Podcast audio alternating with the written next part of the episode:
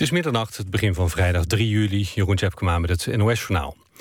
Door een stroomstoring is aan het eind van de avond... het treinverkeer van en naar Utrecht korte tijd stil komen te liggen. De storing was in de nieuwe verkeersleidingspost van ProRail in Utrecht. Rond 11 uur was de storing verholpen en werd het treinverkeer weer opgestart. De storing is mogelijk veroorzaakt door blikseminslag. Door de hitte was er de afgelopen dag al veel vertraging op het spoor. Ook morgen rijden na de ochtendspits minder treinen door het warme weer... Vooral rond Utrecht, Rotterdam en in Noord-Holland worden minder sprinters ingezet. De gemeente Den Haag betaalt de begrafenis van de overleden arrestant Mitch Enriquez. De gemeente wil er verder niets over zeggen, alleen dat het besluit is genomen in overleg met de familie. Enriquez overleed zondag hoogstwaarschijnlijk als gevolg van politiegeweld bij zijn arrestatie. Op dit moment geeft de politie prioriteit aan het verwerken van het verlies en wordt geprobeerd het lichaam zo snel mogelijk terug te laten brengen naar Aruba. De familie zegt met klem dat er nog geen besluit is genomen over juridische stappen. De afgelopen drie nachten was het in de Haagse Schilderswijk onrustig. Vanavond is het er rustig. De WOZ-waarde van huizen in het aardbevingsgebied in Groningen moet met 10% worden verlaagd. Dat heeft de rechter bepaald. De Groningse gemeenten moeten rekening houden met waardedaling sinds 2002, omdat toen bekend werd dat er een risico is op krachtige aardbevingen. Strijders van terreurgroep Boko Haram hebben in een Nigeriaans dorp bijna 100 mensen gedood. Vroeg in de avond vielen gewapende extremisten diverse moskeeën binnen. Vrijwel alle slachtoffers zijn mannen. Een aantal strijders zou ook huizen zijn binnengedrongen en vrouwen en kinderen hebben gedood. Rafael Nadal is opnieuw verrassend uitgeschakeld op Wimbledon. Hij kreeg geen vat op het onvoorspelbare tennis van de Duitse qualifier Dustin Brown. Het is voor het vierde jaar op een rij dat Nadal al voor de kwartfinales uit het toernooi ligt. Het weer, het is wisselend bewolkt met hier en daar nog een enkele onweersbui. Soms met hagel. De buien trekken langzaam naar het noorden. De komende ochtend breekt al snel de zon weer door. Met 25 tot 32 graden is het minder heet dan vandaag. Tot zover het NOS-journaal. Dan de AWB Verkeersinformatie. De A1 Amersfoort-Apeldoorn tussen Voorthuizen en Stroe... daar is slipgevaar als gevolg van water op de weg in beide richtingen. Datzelfde geldt ook um, voor de A1 Apeldoorn richting Duitse grens... tussen Twello en Deventer. Op de A12 Utrecht richting Den Haag tussen knooppunt Gouwen en Zevenhuizen... daar is een vrachtwagen gekanteld. De weg is dicht en naar verwachting is de weg om vier uur weer vrij. En dan hebben we ook nog de A50 Arnhem richting Oost... tussen knooppunt Valburg en knooppunt Ewijk. Ook daar is slipgevaar als gevolg van water op de weg. Dit was de ANWB Verkeersinformatie. NPO Radio 1. VPRO. Nooit meer slapen.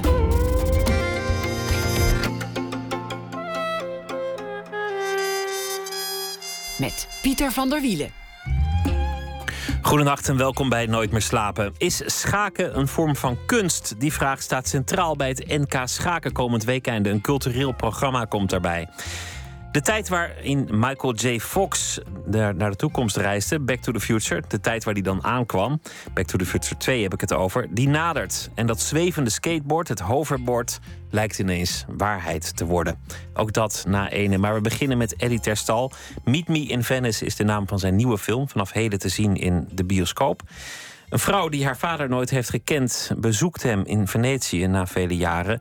En het wordt het begin van een reis in de voetsporen van de Orient Express. Van Venetië naar Istanbul via de Balkan. De vrouw leert langzaamaan haar vader kennen en dat zet al haar gedachten over haar eigen leven op zijn kop. Eddie Terstal is filmregisseur, hij maakte al vele films. Hufters en Hofdames was er een. Simon over een vriendschap waarin een van de vrienden euthanasie moet plegen. Deal over een vrouw die besluit haar lichaam voor een keer te verkopen aan een goede vriend. Fox Populi over een politicus die terechtkomt in minder politiek geslepen kringen. Terstal werd afgelopen jaar 51, of dit voorjaar in april, groeide op in de Jordaan in Amsterdam. Hij is uh, naast filmregisseur ook politiek actief. Heeft uh, één keer een boek geschreven. Hij is bereisd, hij is geprezen, hij is onderscheiden. En hij is eeuwig trouw aan zijn katten en aan de Jordaan. Hartelijk welkom, Eddie Terstal. Ja. Het begint, het vertrekpunt van, van de film was een citaat, wat, wat meteen een beetje bleef plakken. Namelijk uh, de vrouw, de hoofdpersoon, die zegt: Als je een van je ouders niet hebt gekend, dan ken je eigenlijk een deel van jezelf niet. Ja, dat ervaren sommige mensen zo. Dat komt steeds wel weer terug, hè, dat thema bij mensen. Daar heb je al die programma's over, van spoorloos. Wie is mijn vader, wie is mijn moeder? Waar, ja, wat betekent gene, weet je. Ik heb, soms kom je op bepaalde bepaalde leeftijd kom je erachter. Ik had er vroeger nooit zo bij stilgestaan. Weet je. Ik had ook een stiefvader die die rol prima invulde. En uh, op een gegeven moment wil je toch wel weten van... Eh, wie was dan mijn vader? Dat je sommige dingen in jezelf herkent die je niet in je moeder ziet. Weet je, dan moet ergens anders vandaan komen. Dan denk je, dat, zal dan, dat zal wel die vader zijn? Ja, dat denk je dan, ja. Jij was drie toen hij er vandoor ging? Nee, ik was in de film. Uh, in, in de film. um, het personage heeft wel, uh, is een beetje op mij gebaseerd, hoewel ik er een vrouw van gemaakt heb. Maar uh, ja, de feiten liggen vaak subtiel anders. in mijn geval was ik acht. Dus ik heb wel, wel een paar herinneringen had ik wel erover. Dan heb je wel een geheugen, ja. Ja, en ik kwam hem wel. Maar ik kon dat nog niet echt goed duiden, weet je. Ik bedoel, ik weet. Wat voor herinneringen heb je van, van je vader van toen je acht nou, was? Hij werkte in. Hij werkte in hoe heet dat, in een kruidenierszaak. Hij was, hij was kruidenier. En uh, dan kwam hij vaak laat. Uh, daarnaast was een kroeg, dan ging je naar een kroeg en dan kwam hij laat thuis en zo, weet je. Dat is een man van hoog volume, zeg ik wel eens. En, en, uh, ik hou ook wel van kroeg hoor. en ja, ik heb hem dan niet bepaald in, in de meest florissante periode van zijn leven meegemaakt, laat ik het zo zeggen. Is het dan ook dat, dat je heel lang hebt gewacht voor je deze film ging maken? Of was de tijd er nu rijp voor? Je hebt zoveel films gemaakt en dit is een thema dat, dat ken ik in jouw leven zo belangrijk is. Is iets wat je voor je uit hebt geschoven? Nou, misschien. Misschien was ik er ook. Uh, mijn vader is dit jaar overleden. Um, en ik kwam opnieuw met hem in contact, omdat zijn vrouw uh, dat suggereerde dat het misschien wellicht eens tijd was. Omdat hij toch een beetje aan het afgeleiden was. Hè? Ik bedoel, zijn bewustzijn werd steeds minder. En dat, ja, de eerdere keer dat ik hem ontmoette, bijvoorbeeld rond begrafenissen om, voor, voor concrete zaken, dan, dan, draai je om belangrijke vragen heen. Hè? En, en dan, dan doe je dat niet, die stap neem je niet. En op een gegeven moment, als je dan weer ietsje ouder wordt, dan heb je toch iets meer behoefte eraan. En dan was het al te laat. Dus, um, Te laat omdat de dementie al was toegeslagen. Ja, ja, ja, ik kon het niet meer echt tot hem doordringen. Hij droomde mij eigenlijk. Als, dat idee had ik, weet je, dat hij hem niet echt bewust meemaakte. En, maar wel, dat deed het wel goed dat hij mij zag, dat wel. Maar uh, ja, dus, de thematiek van nog bepaalde vragen willen stellen aan iemand die, die biologisch jouw vader is, maar dat in praktijk niet geweest is. Um, dat, dat moest de thematiek van de film worden. Dat is één van de redenen waarom ik die film maakte. Dat, het thematisch is altijd het belangrijkste. Maar dan heb je natuurlijk ook nog iets als vorm. En uh, ja, die vorm die kwam door Beppe Costa... die op een gegeven moment, toen er een normaal gebudgeteerde film... weer eens niet doorging, zat ik weet te mokken in, in de kroeg. En toen zag ik Beppe met zijn... Uh, met, met Miro Polat binnenkomen met wat bandleden. En die gingen zo in de lege kroeg een beetje spelen. En ik dacht, ja, verdorie, Beppe en de Balkan... En, multi-instrumentalist. Weet je, daar moeten we een keer gebruik van maken. Want Beppe is, hij speelt uh, onder meer bij het Groot Theater. Mm -hmm. Hij is acteur en muzikant. Ja. Speelt mandoline en, en zingt ook echt, echt prachtig. Dat is natuurlijk een mooi gegeven, wat, wat in de film ja. heel belangrijk is. Ja, en hij is een heel beeldend personage. Het is echt een gestalte. En, en, en, en, en um, daar wilde ik iets mee doen. En dan ook hè, juist die, die, die, die, vele culturen, die, die, die, hè, waar hij die muziek uh, die, waar die muziek van vertelt. Eigenlijk en, de Orient Express uh, van Agatha Ja, de route, precies. De, de klassieke boek. route, zeg maar, ja. over via Kroatië en Servië. En, um, en we, ja, god, omdat je, we wilden gewoon die zomer een film maken. Dat betekent dus dat het een no-budget film moet worden. Dat betekent no-budget, belangrijke elementen daarin zijn... dat de locaties mogen niks kosten, de crew moet klein zijn... en uh, weinig acteurs. Nou ja, dit is een film met grotendeels twee acteurs... Um, maar ik wil ook wel eens een keer visueel uitpakken bij een film. En dat kan normaal niet bij een low-budget film. Dat je gewoon de middelen niet hebt. Want je kan geen sets bouwen of zo. Je moet, afhankelijk van wat daar is. Nou, als je dus zeg maar van Venetië naar Istanbul gaat... dat zijn de mooiste steden. Dat zijn hele mooie steden.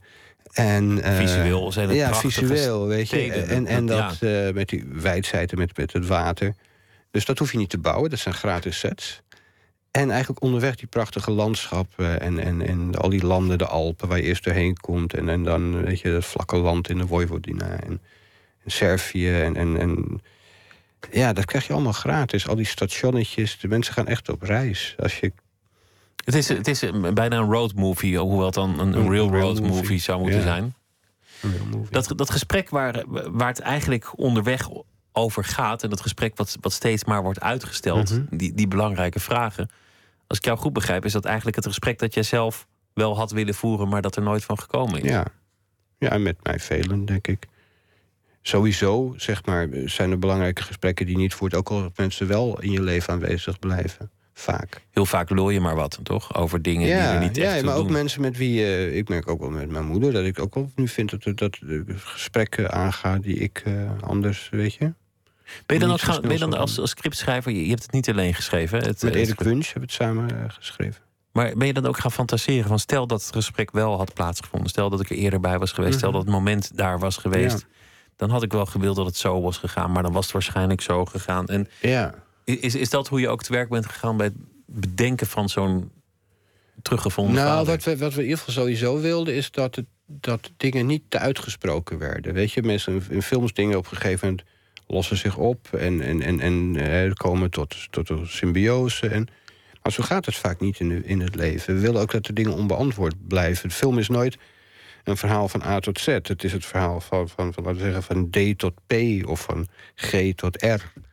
Weet je, er is iets daarvoor en er is iets daarna. En, en vooral de dingen daarna, dat weten we niet. Weet je, ik wil altijd, altijd net als bij Deal, dingen open, of bij Simon eigenlijk ook. Dingen openlaten, of bij Fox Populi. Wat kan daarna nog gebeuren? De happily, uh, the live happily ever after, dat, dat zal bij mij nooit het einde zijn. Dat is te afgerond, het bij een begin met een Ja. probleem en het eind met een Ja, of oplossing. nooit een, nooit een definitief einde. Kijk, in dit geval, nou ja, ik, dan verraad ik misschien te veel, maar... ehm, Ja, niet het einde verklappen. nee, maar ik, ik wilde niet dat... Nee, ik ga het niet verklappen. Je hebt Nee. gelijk. Daar behoed je me voor. Ja, dat, de- dan mensen willen die film misschien nog gaan Ja. zien en dan weten ze al, al hoe het eindigt. Dat, dat zou toch wat zijn. Je zei net van, nou ja, soms vind je iets bij jezelf en denk je, komt dat misschien van, van die, die ouder die ik altijd gemist heb? Daar zit ook een soort herhaling. En dat is ook een thema wat in deze film naar voren Mhm. komt. Dat de daad die je eigenlijk niet begrijpt van, van de ouder die er niet was. Waar iemand misschien om haat, dat ga je geleidelijk wel Mhm. begrijpen. En dan later denk je, verdorie, nou doe ik het zelf ook. Ja, ja nou leid en ik dat dit is, leven ook. En dat is ook een ding, zij vermoedt iets bij haarzelf. Een bepaald gedrag. En dat herkent ze in haar vader. Dat wordt bevestigd. Dus hij is zo, daarom is zij zo wellicht. En ook omdat hij... Alsof je in de spiegel kijkt en Ja, denkt, daar ja, kwam ja, het vandaan. ja, ja. Het- dat, zij vermoedt iets en dat wordt bevestigd op die reis. Was dat bij jou ook zo, met een vader die kroeg liep en, en eh, van volume hield? Ik ben van laag volume over het algemeen. Ik, ik, rustige ik, ik verhef zelden mijn stem. Ik praat wel heel Maar je veel. hebt, je hebt wel een reputatie van, van café. eh, ja, ik ga wel veel cafés. En, en ik ben ook wel een vlierenfluiter in die zin, ja. Dat wel. Ik ben niet echt een family man-achtig iemand. Dat was hij ook niet en had hij moeten weten. Dus daarin lijk je op hem. Dat, Ja. dat is dan toch gewoon waarschijnlijk het genenpakket van je vader. Ja, dat denk ik wel. Laten we luisteren naar de trailer van eh, Meet Me in Venice. Om, om een beetje de, de sfeer te begrijpen van de film. Mijn vader. Ik kende hem niet voor deze week. Prachtig op muziekinstrumenten kan spelen. Op een gegeven moment belde Mauro me op en vroeg of ik naar hem toe kwam in Venetië. Om een week samen door te brengen.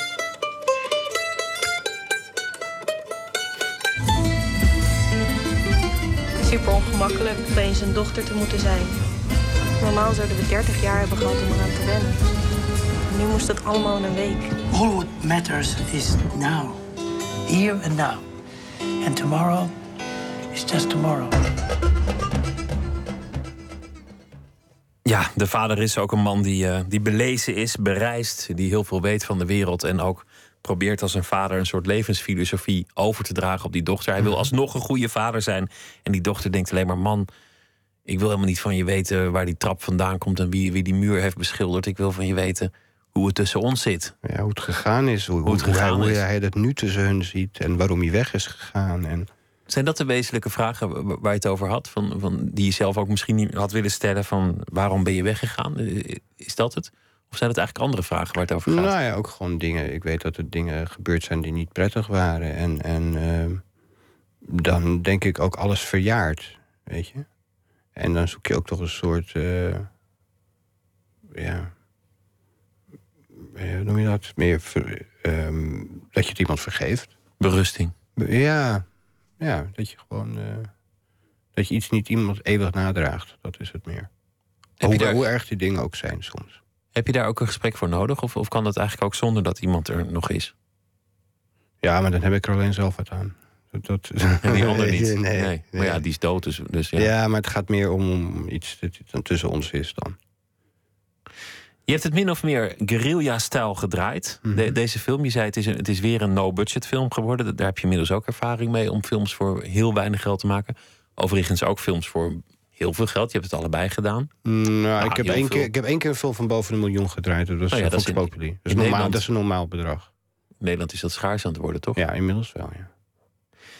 Dat betekent dat, dat, je, dat je eigenlijk dingen in één take erop moet knallen. Ja, zo- ja, in heel veel gevallen wel. Het is echt, we zijn echt letterlijk gewoon op de trein gestapt in eh, Venetië en dan in Istanbul eruit in, in 14 dagen. En we hadden, de rustdagen zijn eigenlijk eh, geen rustdagen geworden. Dat, is, dat was iets te optimistisch ingeschat.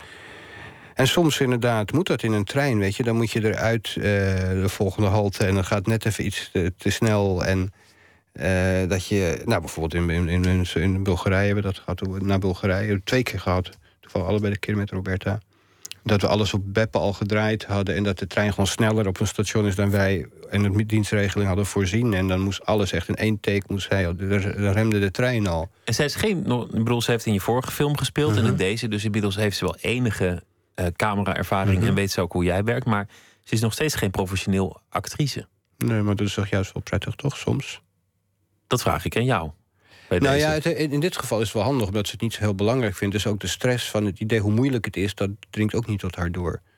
Dus omdat ze niet weet hoe moeilijk het is, doet ze het gewoon en dan gaat het beter dan wanneer iemand geleerd heeft Nou, dat dit in sommige gevallen wel. Dit soort, eh, eh, laten we zeggen. Dit soort dingen die heel snel hapsnap eh, lopende bandwerk zijn, dat moet echt op intuïtie. En eh, als je dit ook echt op techniek gaat doen, dan wordt het een stuk minder, denk ik.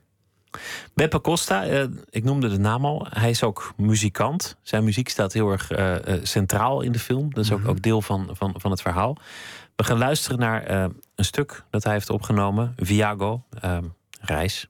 Ja, Joe. Viaggio, je hebt gelijk twee G's. Netjes uitspreken.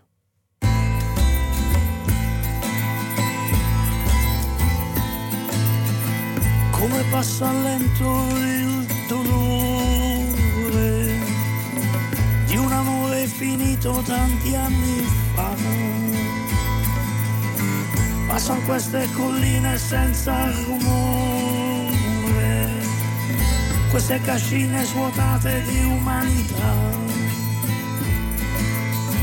Se ci fosse qualcuno che, se ci fosse qualcuno che che mi aspetta al fondo della notte. Se sapessi che almeno a te, se sapessi che almeno a te potrò raccontare questo viaggio.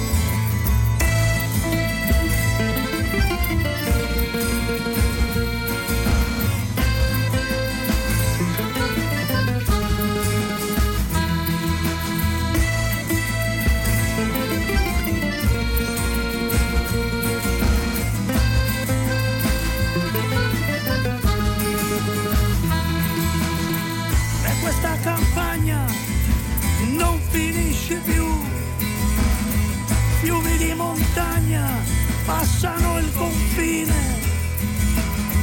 Uomini sconfitti, aggrappati al bar. E questo mare di girasoli che non ci lascia più. Queste cicogne appese al cielo.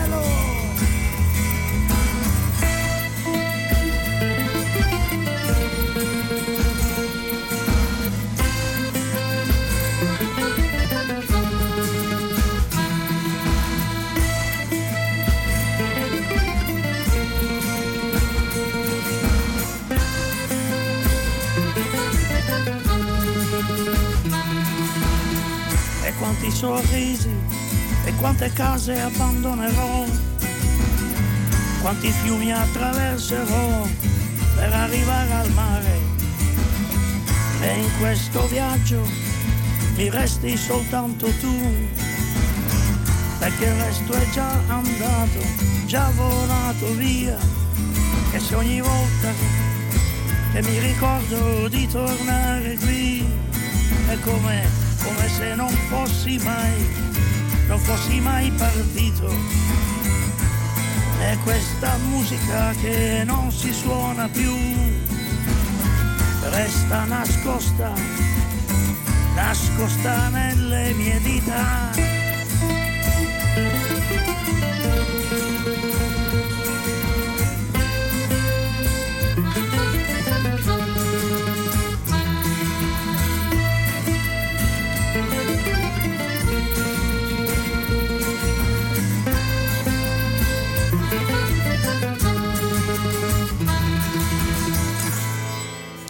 Viaggio, dat was eh, Beppe Costa uit de film Meet Me in Venice. Vrijkaartjes voor de film ook nog eh, te vergeven via de Facebookpagina van VPRO Nooit meer slapen. Eddie Terstal zit tegenover me. We hebben het eh, al best veel gehad over, over de film. En ook een beetje daarmee over jouw eigen achtergrond. Van Mhm. een vader die, die vertrok. De keuze in de film wordt eigenlijk heel begrijpelijk. Die, die, die man is opzij gestapt. Die wilde niet in de weg lopen. Die wilde Ja. niet een, een strijd maken van zijn leven. Eigenlijk wilde die het kind een, een, een prettige jeugd geven door er niet Ja. te zijn. Dat is niet noodzakelijkerwijs zo in mijn leven gebeurd hoor. Maar een film is nooit. Weet je, ik heb altijd wel elementen van niet film één op die, één die, die in, lopen, me, maar- in mezelf. Kijk, het is natuurlijk ook, hè, het is ook Erik heeft het ook medegeschreven. Hij heeft het ook, ook elementen in, in gegeven. Hij komt ook uit, hij komt meer uit een soort gereformeerde achtergrond, waar sowieso niet heel veel gesproken wordt. Nee, dus dat, dat, dat was wel een belangrijk element.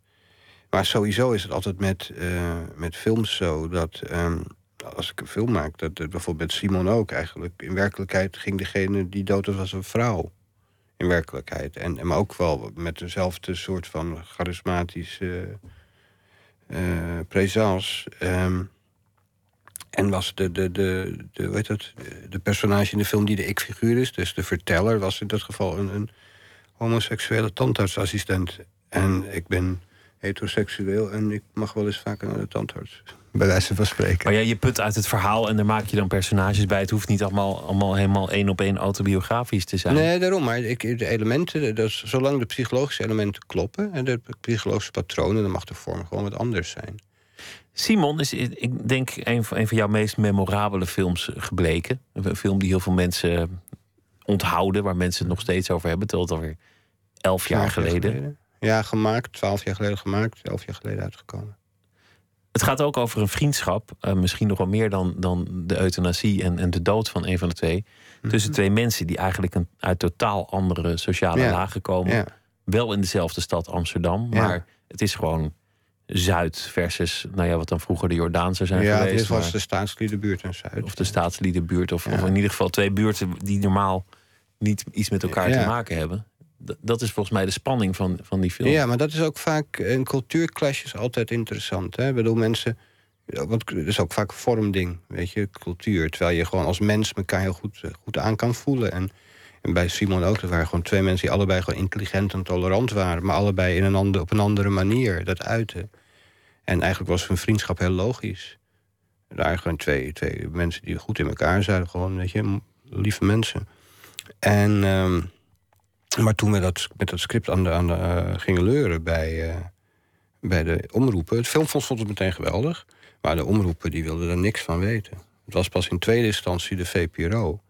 die na drie jaar... dat heeft drie jaar bij allerlei omroepen gelegen... de meeste mensen vonden het niks. Ongeloofwaardig ook, die vriendschap. En te veel thema's, hè, dus weet ik veel wat.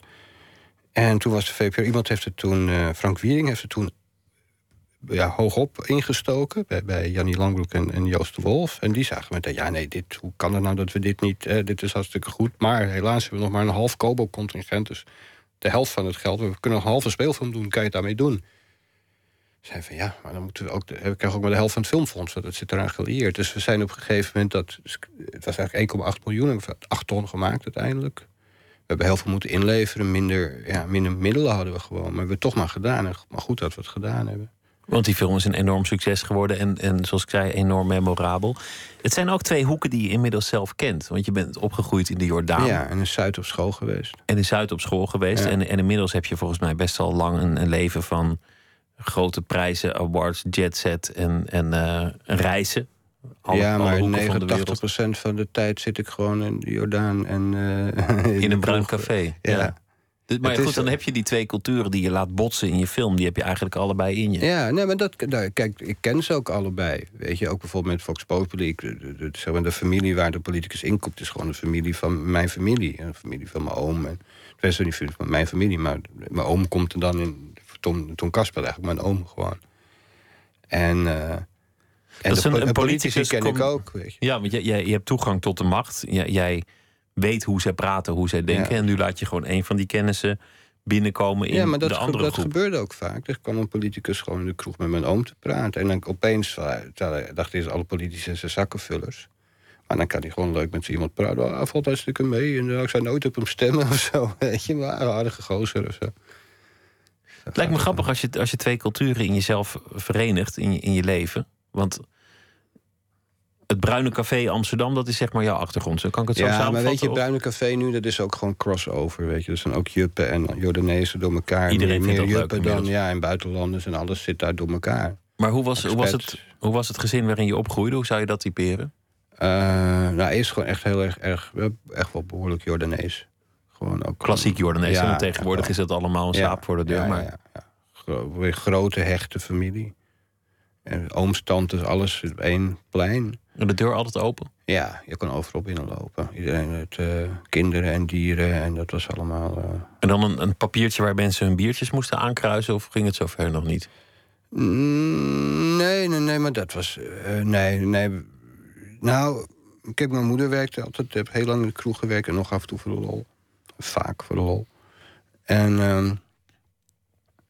Eh, en, en eh, toen mijn moeder, toen mijn vader wegging, mijn stiefvader, eh, kwam mijn stiefvader, die was toen 18 en mijn moeder was 8. ik was 8, mijn moeder is 32 toen.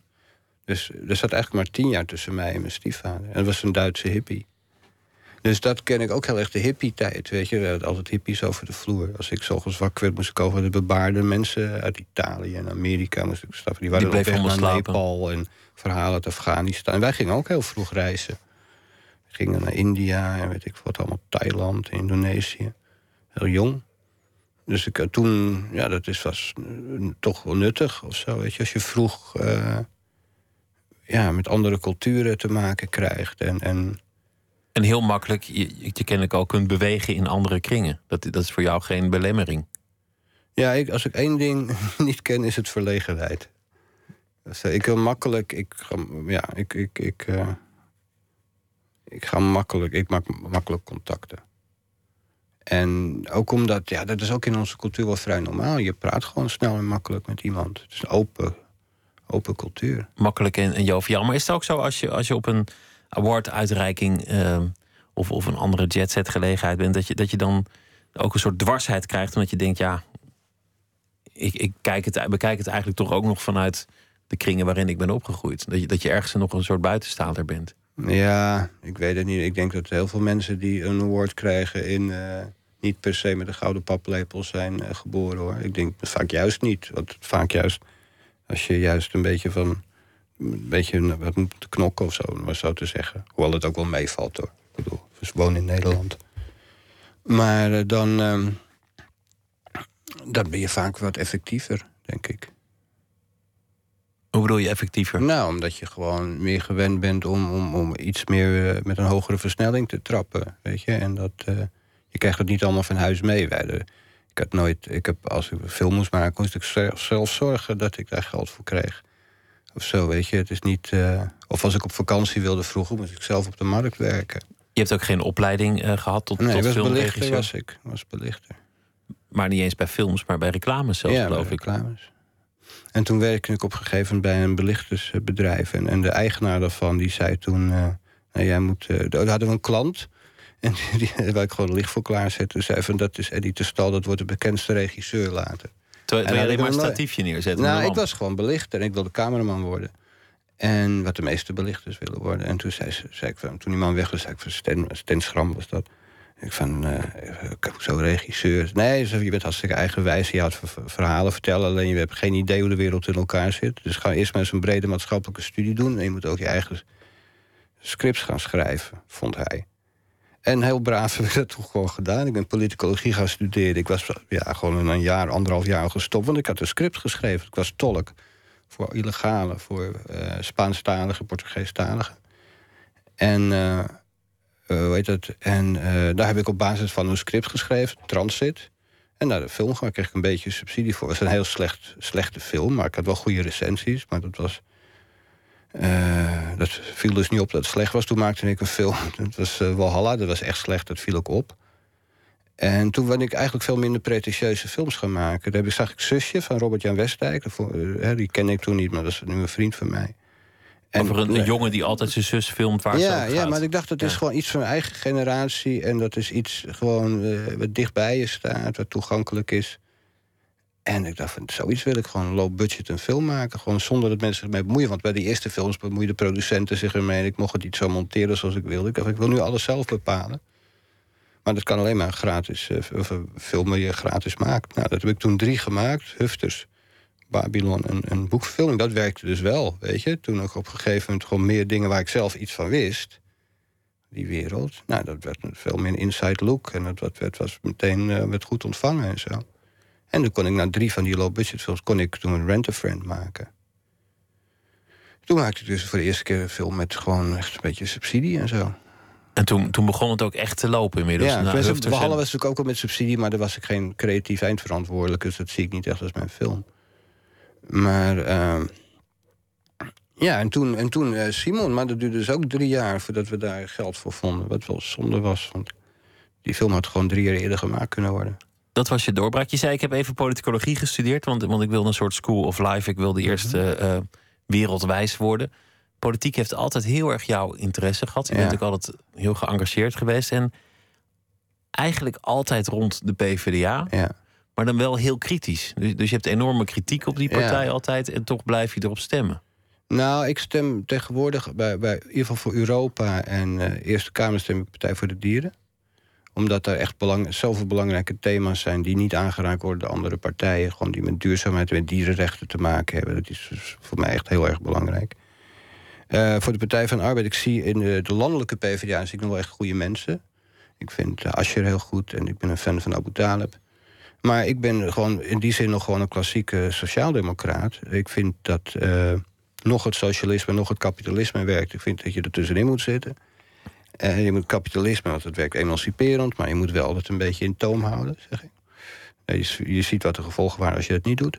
Kortom, in het midden zitten. In het midden zitten, maar ook, weet je, het hele seculiere... het hele vrijzinnige van vrouwenrechten, homorechten... weet je, het afschudden van rare religieuze mythes... die je leven minder rijk maken dan, dan dat, het, dat het is. Weet je, de groepsdwang.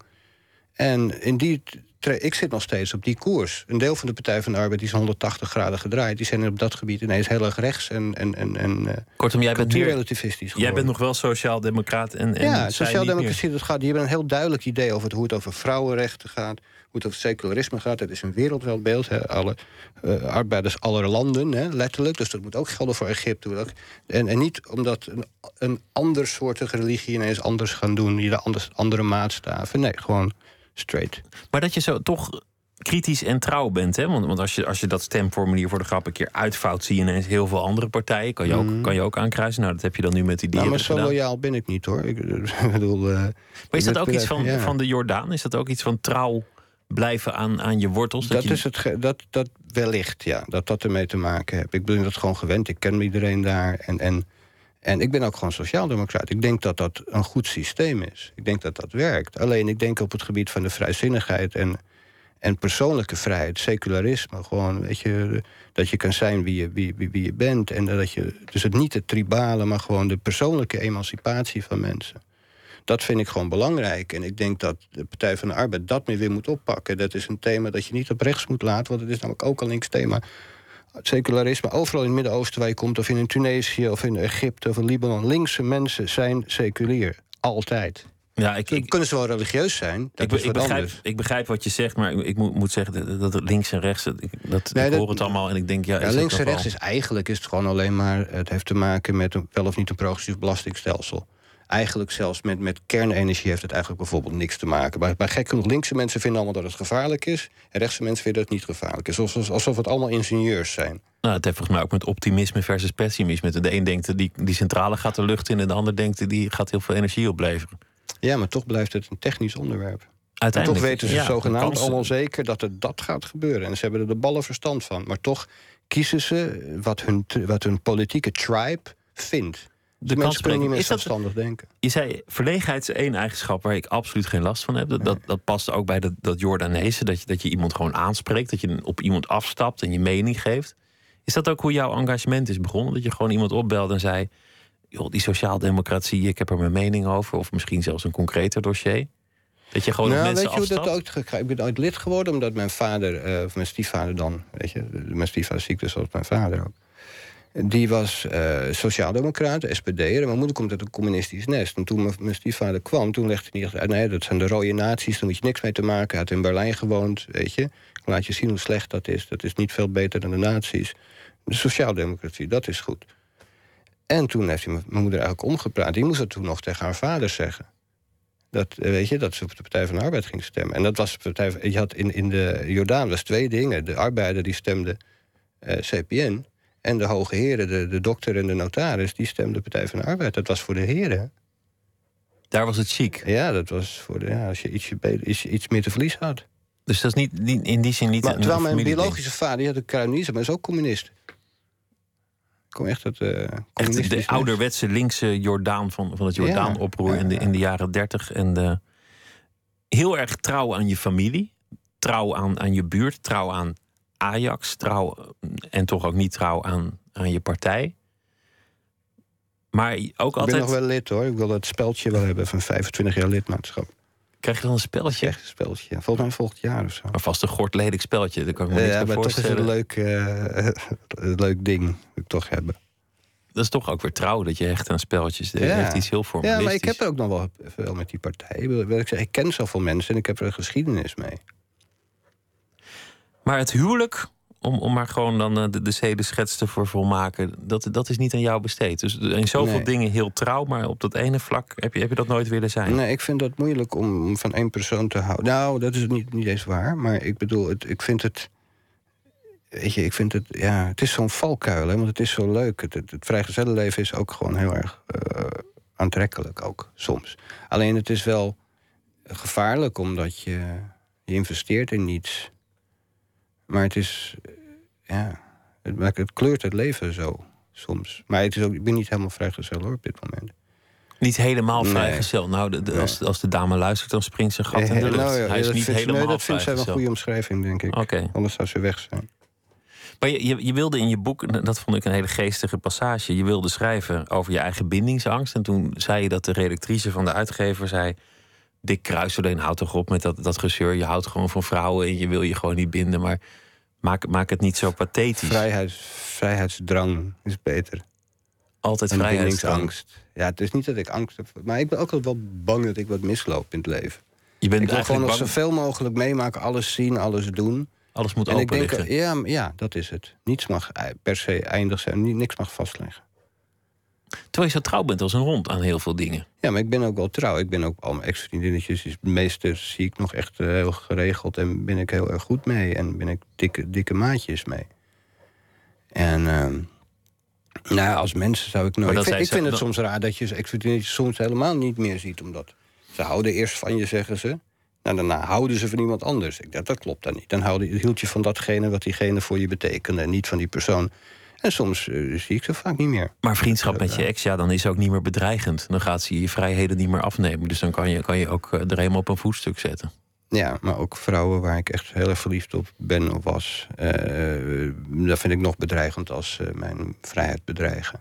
Is dat altijd zo geweest eigenlijk? Ja, ja op het moment dat ze een, een, een kastje in mijn kast kregen, begon ik Een plankje. te worden. Ja. Hoewel ik het wel dan leuk vind om op vakantie te zijn samen, een weekje of zo, weet je. Dat huiselijke dan eventjes, dat vind ik dan leuk. Maar ik wil wel mijn eigen dingen, ik wil naar huis kunnen. Vind je jezelf ook leuker als vrijgezel? Ik vind de meeste mensen vaak wel leuker de meeste van mijn vrienden ook. Die kan je meer, ja, kon je meer mee. eh, ja. eh, hoewel, de sommigen die gaan daar goed mee om. Ook met vaderschap of zo. Of anderen met moederschap. Die blijven heel relaxed en die blijven iets uitstralen. Die anderen worden dan ja, toch een beetje van die. Ja, ik weet niet. Er is iets weg. De sparkle is weg of zo. Kan, ietsje minder met ze lachen. Ja, en je kunt ze ook iets minder makkelijk bellen van, van Ja, kom, ga eens mee. Ja, Of- dat of, is ook eh, gewoon praktische zaak hoor.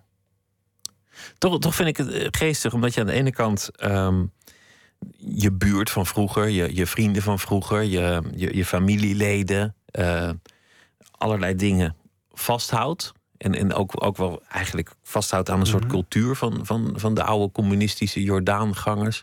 En tegelijk dat je heel erg geniet, bleek ook uit je boek van nou ja, reizen, Ja, ik vind dat glamour, decadentie. eh, Nou, glamour decadentie niet zozeer, maar reizen. Ik vind Nou, het ook wel eens leuk om een keer in een weet je, met die dingen, met die festivals, dat je soms in vijf sterren hotels of soms mag je business class vliegen. Vind ik ook lachen. Weet je, dat dat vindt leuk. iedereen leuk. Ik bedoel, dat Ja. is niet, niet een soort schande maar hoor. gewoon echt reizen. Ik vind het leuk om, om, om, om eh, naar veel landen te gaan. Ik, ik weet nog op een gegeven moment, midden negentiger jaren, toen eh, ik best een beetje aan geld verdiende, ging al mijn geld op in reizen. En ik ging altijd naar crisisgebieden. Of crisis, waar dingen, dingen te veranderen stonden, weet je, Zuid-Afrika en, en, en, en Hongkong vlak voor de overdracht of zo, weet je. Of, of K- Midden-Oosten heel veel, eh, de Balkan, eh, Cuba. Ik wilde weten hoe, hoe, hoe, functioneert een mens in, in extreme omstandigheden en dat soort dingen. Ik heb dat heel bewust, bewust gedaan. Ook weer niks willen missen. Dat, is- dat is eigenlijk. Niks willen eh, missen. Het feit dat ik bijvoorbeeld de val van de Berlijnse muur, dat ik zoveel daar was ik niet bij. Of zo, weet je. het was een paar uur rijden, je had het kunnen Ja, doen. ja, ja, ik zat ergens anders toen.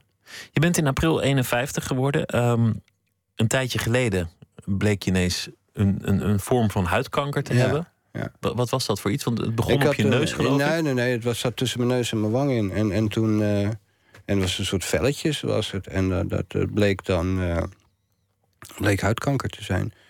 En dat zou dan geopereerd worden. En dat zou dan in, in Rotterdam gebeuren. En dan liet ze helemaal zien wat ze helemaal, helemaal zouden gaan snijden. En dit en dat en dat. En dat zou echt mijn gezicht echt behoorlijk anders zijn. En toen op een gegeven moment dacht ik, ik zou op maandag geopereerd worden. En toen belde ik op een gegeven moment. En zaterdag dacht ik, dit ga ik echt niet doen. Dit klopt niet. Je kan niet met een, een dingetje van een centimeter... kan je niet een, een, een ding, van- een wond van acht centimeter langs je lachlijn krijgen. Dat je neus, stuk van je neus weg. Dat, dat is, volgens mij is het onnodig. Toen belde ik, want mijn eigen huisarts was... belde ik Rob Oudkerk, die is ook huisarts. En die zei, dat moet je niet doen. Dat is, zegt, je bent geen eh, noem je dat, proefkonijn. Dus dat is allemaal nieuwe lichterij. Je moet gewoon ouderwets, als, een, als het ding... Als, die, als het ding een centimeter is, dan moet die wond ook een centimeter zijn. Die kunnen ze gewoon langs je, vroeg, zoals ze vroeger deden... gewoon langs je neus, wanglijn... en daar zie je niks meer van. En dat heb ik toen gewoon gedaan. Heb ik toen bij een, eh, hij zei, dat moet je gewoon bij een, bij een plastisch chirurg doen. Die zei, gewoon, je moet ook huidkanker in gezichten kunnen snijden. Dan moet je gewoon zeggen dat het zo moet gebeuren.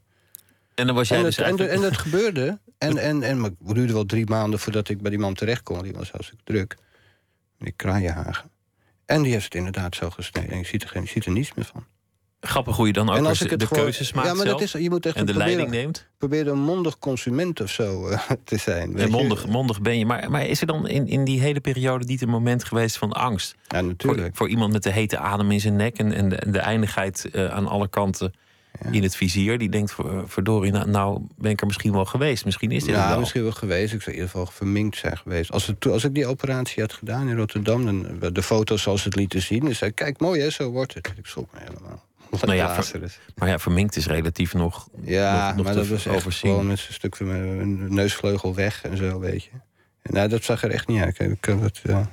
Laat ik het langs de andere hoek proberen. Is, is het veranderd nu je, nu je 51 bent? Dat, dat, dat je, dat je toch die minder bezig bent met het najagen van alles wat er nog niet is? Of wordt het alleen maar meer? Eh, je wordt wel minder ambitieus. In die zin van, je hoeft niet echt meer iets te bewijzen of zo. Maar je bent wel nieuwsgierig. Je wil van alles nog doen en meemaken. Het is wel heel bewust... Weet je, elk jaar op het moment dat je... Dat is wel een belangrijke les die ik eh, eh, geleerd heb. Is dat de jaren waarin je heel veel doet... waarin je dus heel veel meemaakt... kleine reisjes, dingen, projectjes, alles...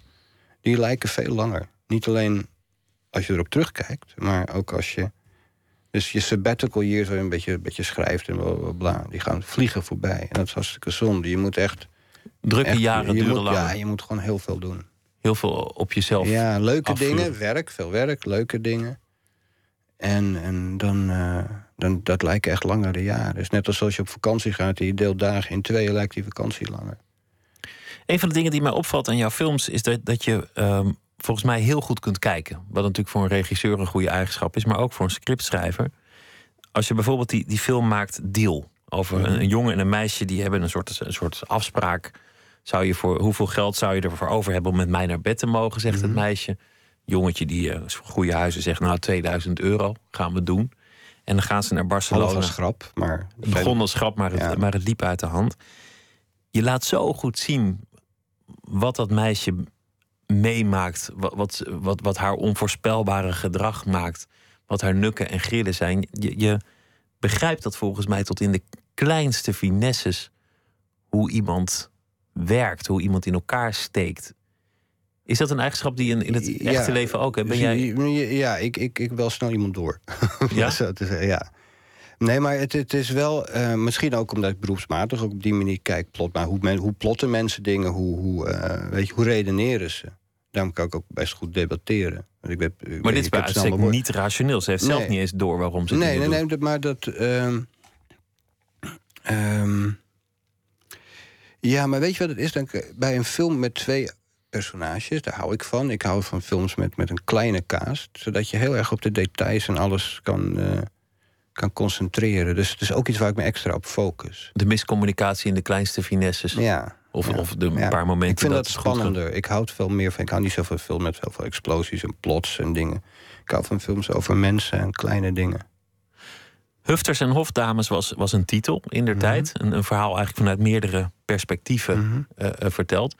Als je jezelf zou moeten kwalificeren in een van de categorieën, een, een heer of een hufter, hoe zou je dat alle, altijd allebei. Want ik zeg altijd, ik ben altijd alle mannelijke hoofdrolspelers ben ik zelf. De hufter en, de heer ja. zitten allebei in jou. Ja, Dus dat betekent dat als jij heel goed begrijpt hoe mensen in elkaar zitten, dat, dat je af en toe moedwillig ervoor kiest om het anders te doen.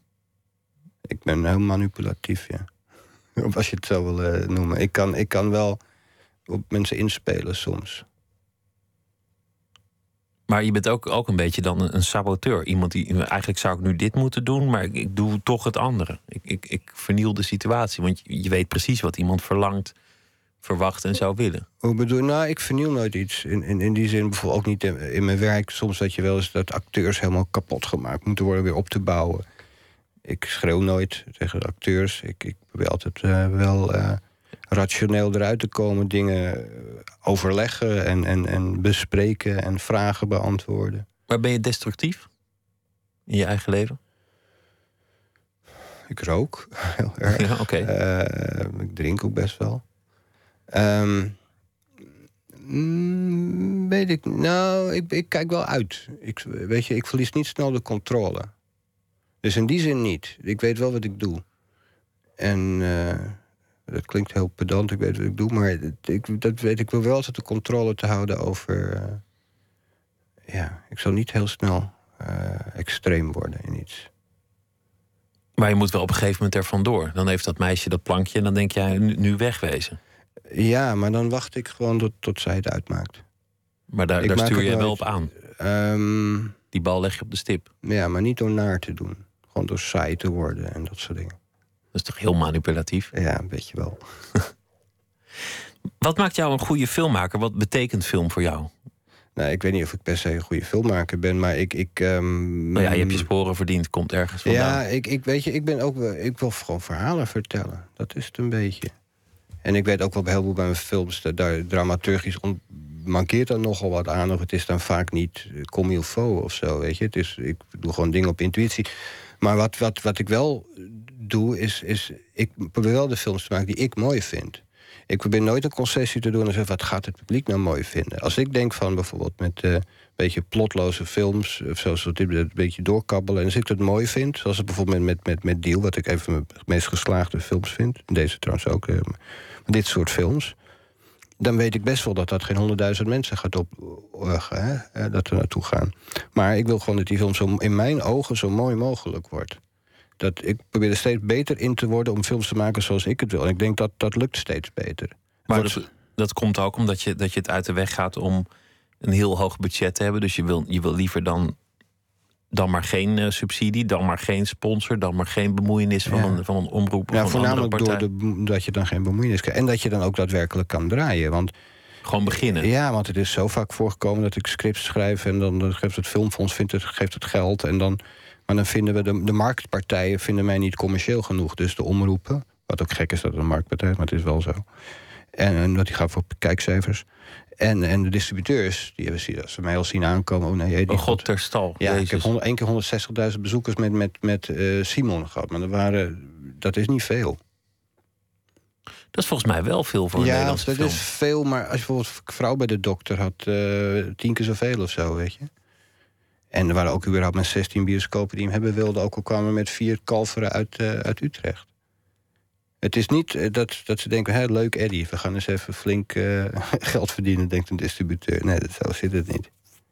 En is het dan, wa- want je, je wil geen enkel compromis sluiten, maar je krijgt ook voor, voor een deel de prijs van dat niet willen sluiten van een compromis.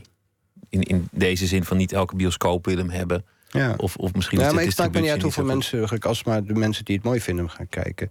Ik wil een film maken zoals ik hem mooi vind.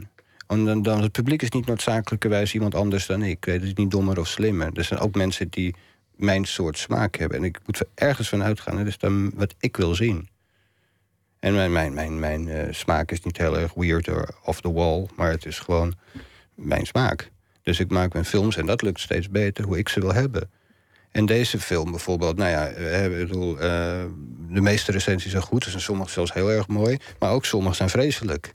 Nou, dat is het risico. Ik zal nooit snel iets maken wat iedereen mooi vindt. Dan heb je volgens mij ook niet iets, iets heel goed gedaan. Als ik het zo, nee, als ik dat, nee, precies. Dat is dan pleasen.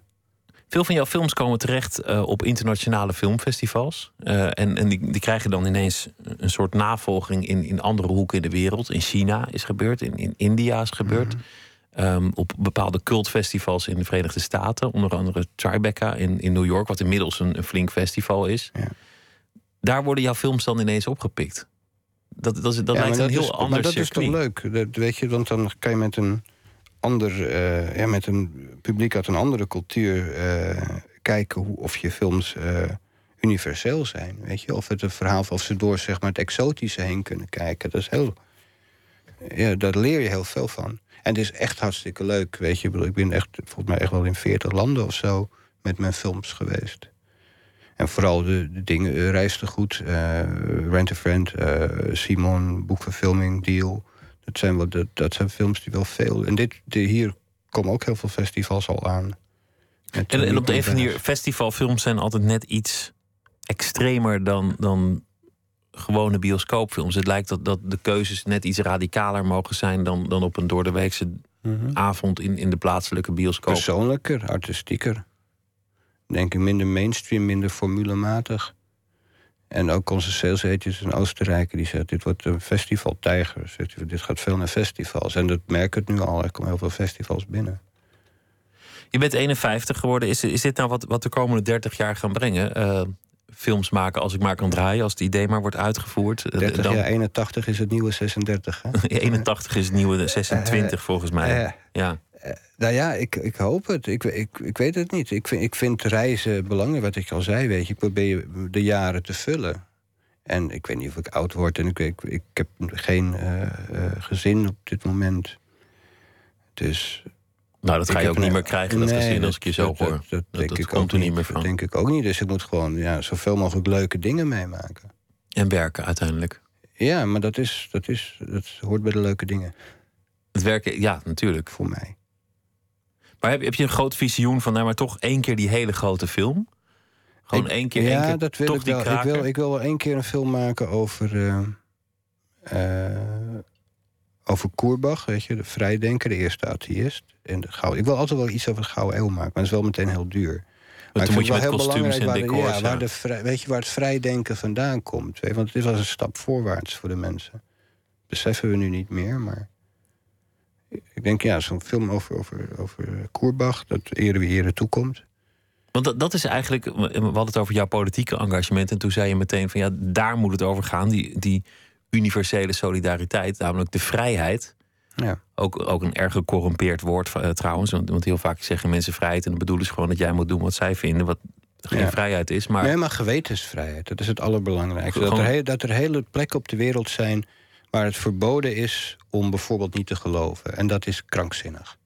Dat er zo'n schending van mensenrechten, dat daar het enige reden waarom de wereld daar niet tegen opstand komt, omdat zeg maar de bron daarvan de, de, ja, de patriarchale baasjes van op een enorme plas olie zitten. Anders zou ze daar nooit meer weggekomen. Maar het rukt op. Ik bedoel, dat, dat, je, dat ja. je niet mag geloven, dat is een, is een taboe ook steeds meer in de westerse wereld.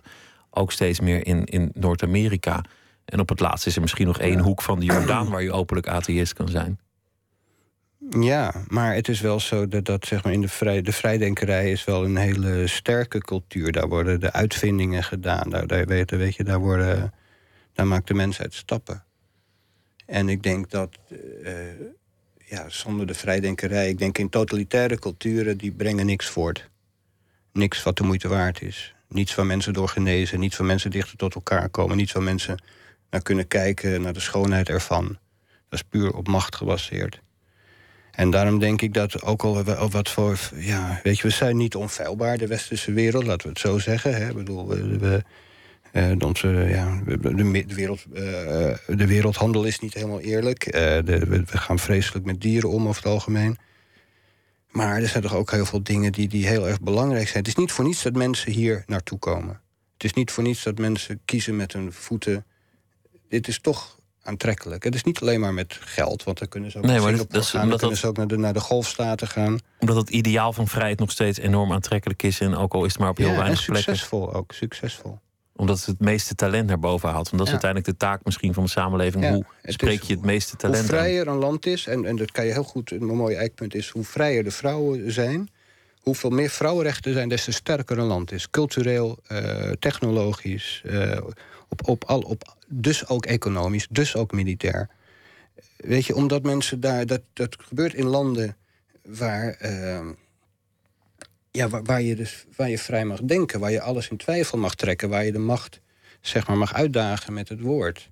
Daar ontstaat een situatie. En dat is niet dat je zegt vrouwenrechten komen doordat er welvaart is. Nee, dat is omgekeerd. Welvaart komt omdat er vrouwenrecht is. Omdat er vrijheid is en dus uh, het mogelijk is om, om nieuwe dingen te bedenken in kunstwetenschap en, en techniek en dat soort dingen.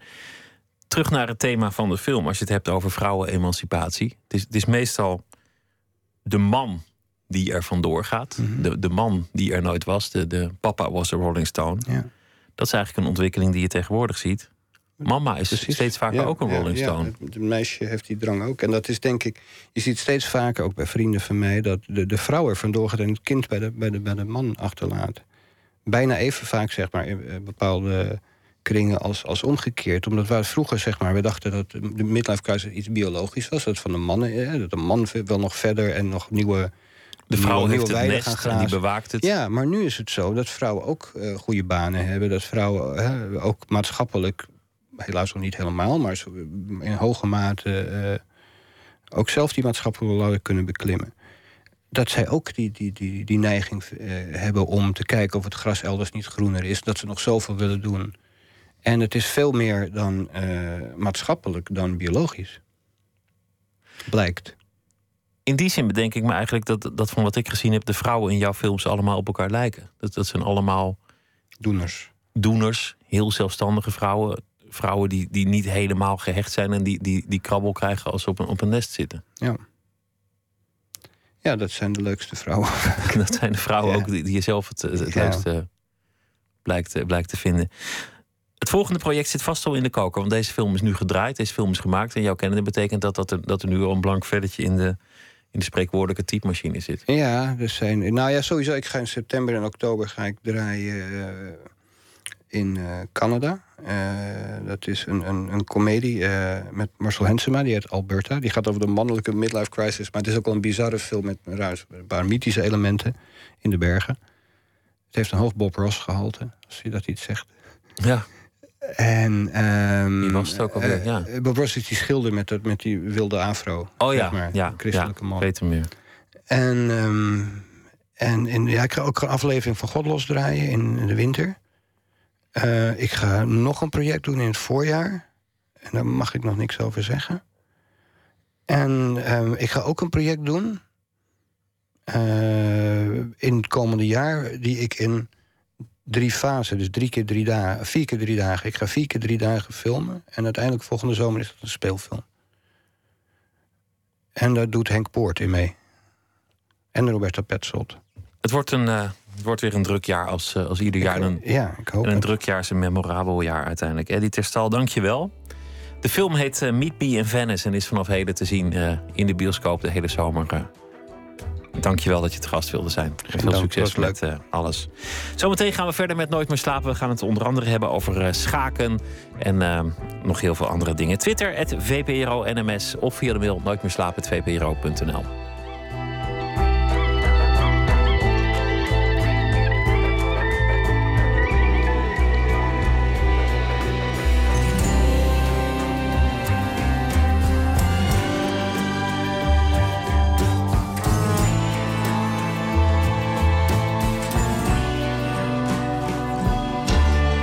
Radio 1.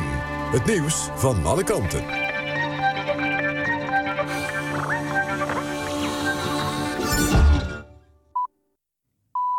Het is 1 uur, Jeroen Tjepkema met het NOS Journaal. In de Haagse Schilderswijk is het voor de vierde nacht op rij onrustig. Tot het eind van de avond was het nog gemoedelijk, maar daarna sloeg de sfeer om. De ME heeft daarom het Hobbemaplein afgesloten. Bij het plein zijn ongeveer 100 mensen ingesloten... die volgens de politie worden aangehouden wegens samenscholing. Ze worden één voor één afgevoerd. Sinds maandagnacht is het onrustig in de Haagse Schilderswijk... na de dood van de Arobaan Mitch Henriquez. Die is hoogstwaarschijnlijk omgekomen door politiegeweld bij zijn arrestatie. Maleisië is van plan de VN te vragen om een tribunaal op te richten... om de verdachten van de MH17-ramp te vervolgen. Het land zou daarvoor een resolutie willen indienen in de VN-veiligheidsraad.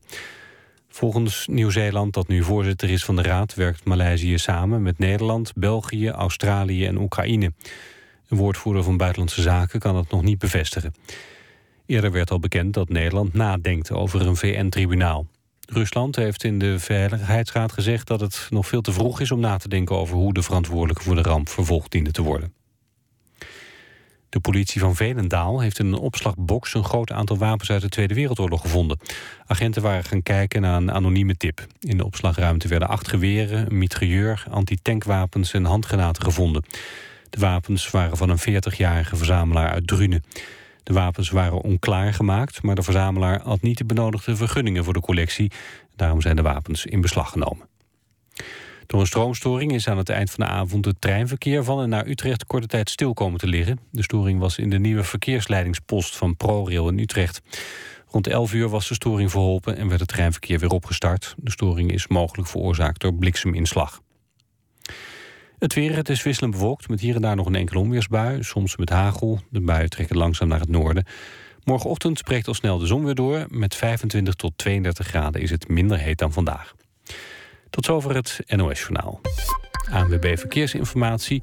De A1 Amersfoort richting Apeldoorn is dicht tussen... Of nee, is niet dicht, maar er is slipgevaar tussen Voorthuizen en Stroe... als gevolg van water op de weg in beide richtingen. Ook op de A1 Apeldoorn richting Duitse grens tussen Twello en Deventer. Ook daar slipgevaar door water op de weg. En dan de A12 Utrecht richting Den Haag tussen knooppunt Gouwen en Zevenhuizen. Daar is de wel weg wel dicht door een gekantelde vrachtwagen. Naar verwachting is de weg om 4 uur weer vrij. Tot zover de ANWB Verkeersinformatie. NPO Radio 1. VPRO. Nooit meer slapen.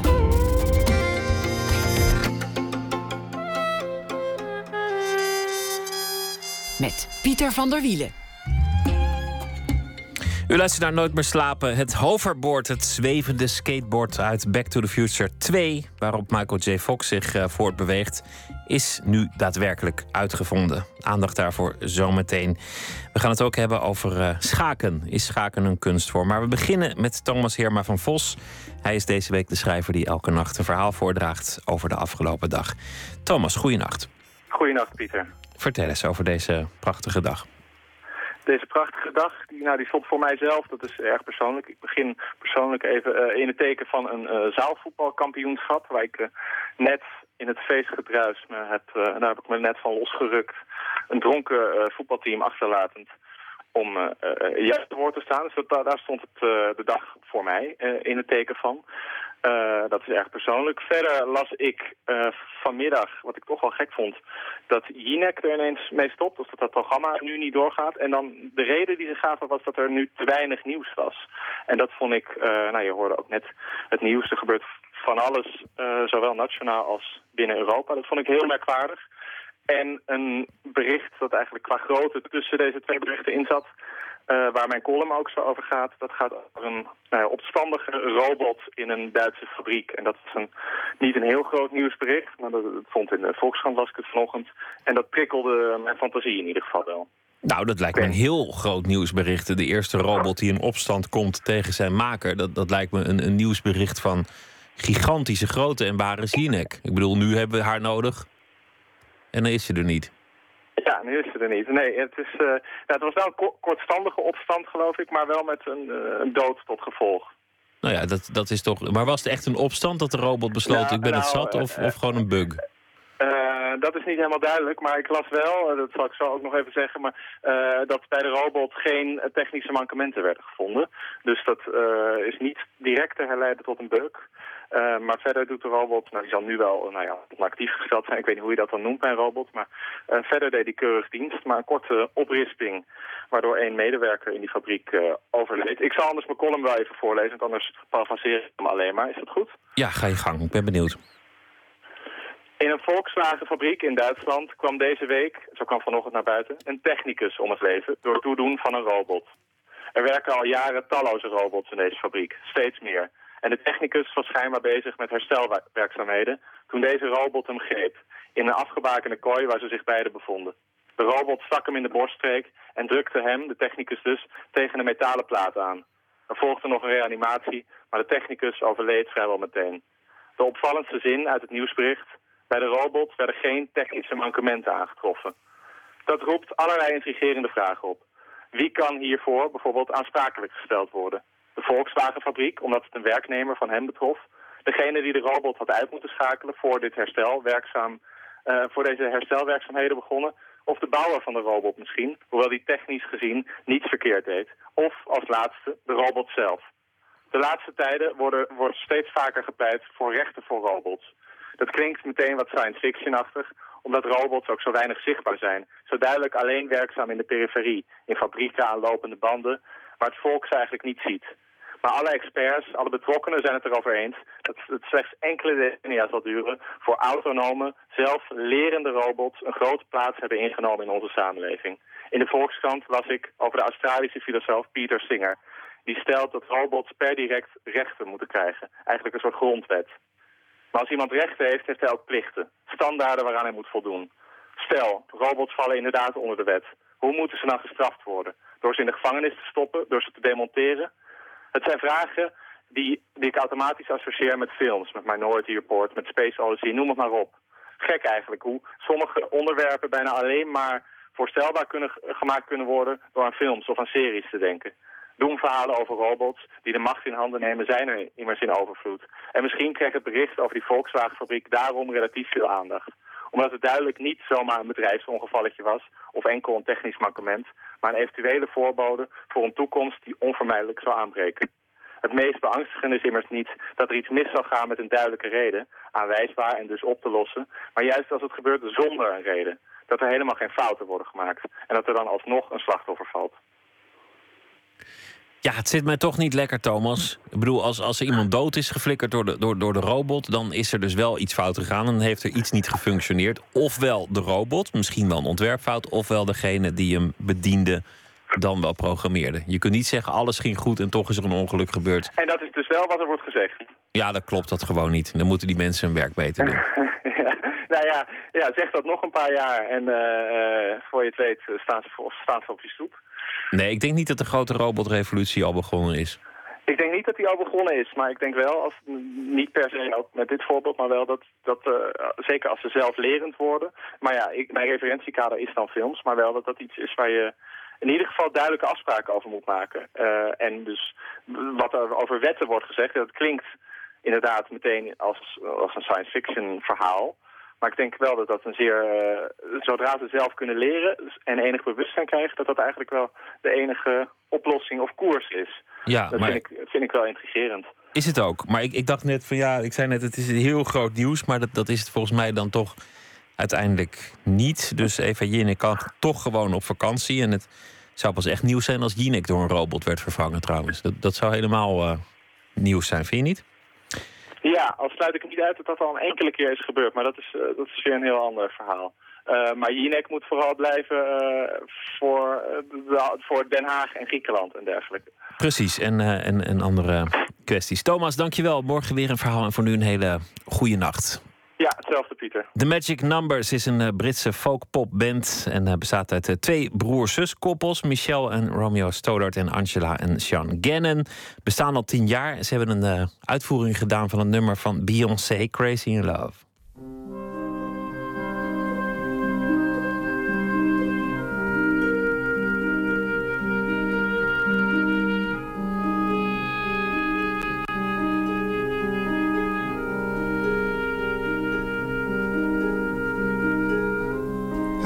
Look stare so deep in your eyes. I touch on you more and more every time.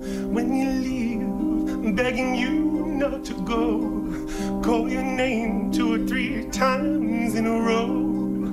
Such a funny thing for me to try to explain. How I'm feeling, my pride is the one to blame. But I still don't understand just how your love can do what no one else can. Got me looking so crazy right now. Your love got me looking so crazy right now. Got me looking so crazy right now. Your touch got me looking so crazy right now. Got me hoping you'll page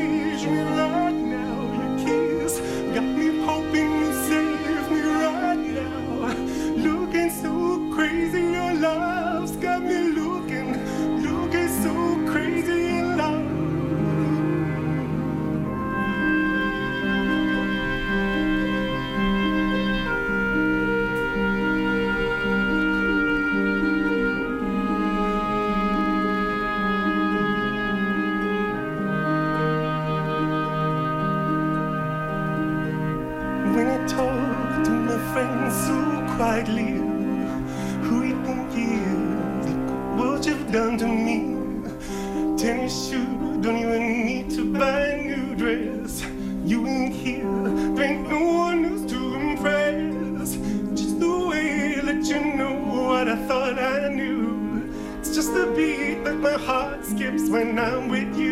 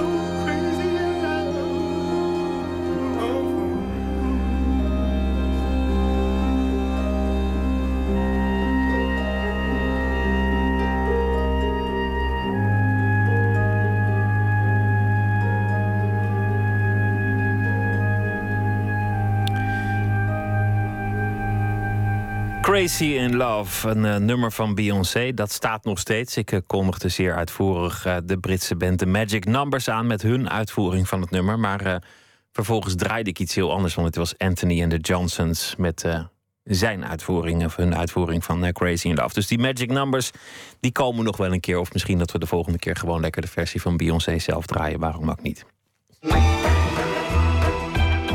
Nooit meer slapen. Het spreekt nog altijd tot de verbeelding. Het zwevende skateboard uit de film Back to the Future 2. Vorige week maakte autofabrikant Lexus bekend te werken aan zo'n hoverboard sci-fi comedy. Back to the Future 2 speelde in 1989 en maakte een reis naar 2015. En wat blijkt, de makers hadden toen al voorspellende gaven. Want veel van de apparaten uit die film, die toen nog ongelooflijk futuristisch eruit zagen, die gebruiken we inmiddels dagelijks. New Scientist, redacteur, sterrenkundige en schrijver van het boek Robots, Aliens en Popcorn, George van Hal, vertelt aan verslaggever Emmy Colau over de relatie tussen filmers en wetenschappers en wie kijkt nou eigenlijk naar wie. Do you remember the future? Vliegende auto's hadden er televisies die aan de muur hingen. Nou, dat wilde ik natuurlijk ook wel. Ze hadden kleding die zichzelf kon drogen, maat kon maken als je mouwen bijvoorbeeld te lang waren. You've got to come back with me. Where? Back to the future. Van die hoverboards waarmee je lekker door de uh, straat boven de grond kon zweven. Stop! Look, I need your hoverboard. Where is he? Here. Het hoverboard dat is een, uh, ja, eigenlijk een soort skateboard. En daar zitten geen wieltjes onder, maar dat zweeft boven de grond. He's on a hoverboard! Personage Marty McFly die voor het eerst op zo'n ding staat, want hij komt uit het verleden. Uh, vliegt weg voor mensen die hem achtervolgen op andere hoverboards. En dan komt hij boven water. En dan ineens tot zijn stomme verbazing kan hij niet verder. En de mensen achter hem zeggen dan ook... haha, sukkel, weet je wel. Je weet toch dat deze dingen niet werken boven water. Als je de jonge Michael J. Fox in Back to the Future 2 voorbij ziet zweven op zijn knalroze plastic hoverboard... kun je maar één ding denken. Dat wil ik ook. Autofabrikant Lexus speelt daar handig op in. Vorige week publiceerde ze een gelikt filmpje waarin een jongen van zijn klassieke skateboard afstapt en richting een zwevend, futuristisch uitziende plank loopt. Maar of hij ook werkt? George van Hal, wetenschapsjournalist en sterrenkundige, is nog een beetje sceptisch. Het filmpje ziet er redelijk, um, ja, in eerste instantie redelijk spectaculair uit. Want het ontwerp van het hoverboard van Lexus dat is al uh, ja, dat alleen al, daar krijg je zin van om op dat ding te gaan staan. En het zweeft dan boven de, boven de grond en dat ziet er eigenlijk uit als beton. En dan denk je al, als je uh, iets weet over de hoverboards die tot nu toe een beetje ontwikkeld zijn... die moesten altijd boven metaal zweven, uh, omdat ze met magneten werken. En dan denk je al, nou, dit zou wel eens bijzonder kunnen zijn. Het filmpje eindigt met dat iemand zijn voet erop zet en dan knippen ze snel weg. Dus je weet dan ook vervolgens niet wat er gebeurt op het moment dat iemand er echt op gaat staan. Maar dat, ja, dat wekt absolute interesse. En dan, dan, denk je en dan hoop je natuurlijk van... Nou ja, misschien heeft iemand wel daadwerkelijk zo'n hoverboard ontwikkeld. Um, helaas blijkt dat uh, in de praktijk toch een beetje tegen te vallen. Daar heeft iemand uh, uh, gezocht naar de plek waar dat filmpje is opgenomen... en daar blijkt een soort rails te liggen waar die hoverboard dan overheen beweegt. Dus toch heeft dat ding waarschijnlijk metaal nodig om om boven te zweven. En het werkt inderdaad wel met, uh, met magneten. Net als uh, eerdere pogingen om zo'n hoverboard te bouwen. Maar deze ziet er wel wat spectaculairder uit. En er zit een grote fabrikant achter. Dus wie weet waar het, uh, waar het gaat eindigen.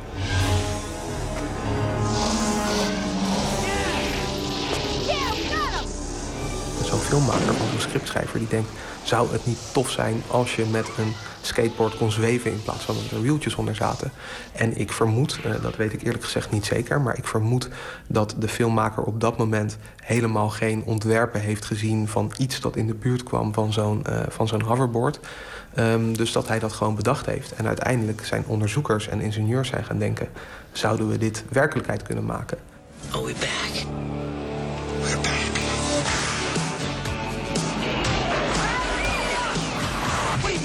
Future? October 21st, 2015. Marty, we're going to be able to see our wedding. Wow. The future. I gotta check this out, Doc. Oké, okay, dat tijdreizen is nog steeds alleen maar in theorie mogelijk. En met die vliegende auto schiet het ook niet heel erg op. Maar verder hadden de schrijvers van de film, Robert Zemeckis en Bob Gill, het jaar 2015 eigenlijk best goed voorspeld. Je zou inderdaad bijna vergeten als je nu die film kijkt eh, dat heel veel van de dingen die je erin ziet toen helemaal nog niet mogelijk waren. We kennen inmiddels niet anders meer dan platte televisies. Skypen is de normaalste zaak van de wereld geworden. In de periode dat die film gemaakt was, was dat echt nog toekomstmuziek. En met je vingerafdruk kun je de nieuwste generatie smartphones openen. En de bril die de jonge Michael J. Fox droeg, waarmee je kon bellen, is inmiddels zelfs alweer uit productie genomen. Beetje het lollige als je terugkijkt naar oude science fiction films. Heel veel dingen die voorspeld worden, die kloppen misschien wel. En nog meer dingen uh, zijn helemaal niet uitgekomen. Maar uh, zo'n film zegt tegelijkertijd ook altijd meer over de periode waarin het gemaakt is...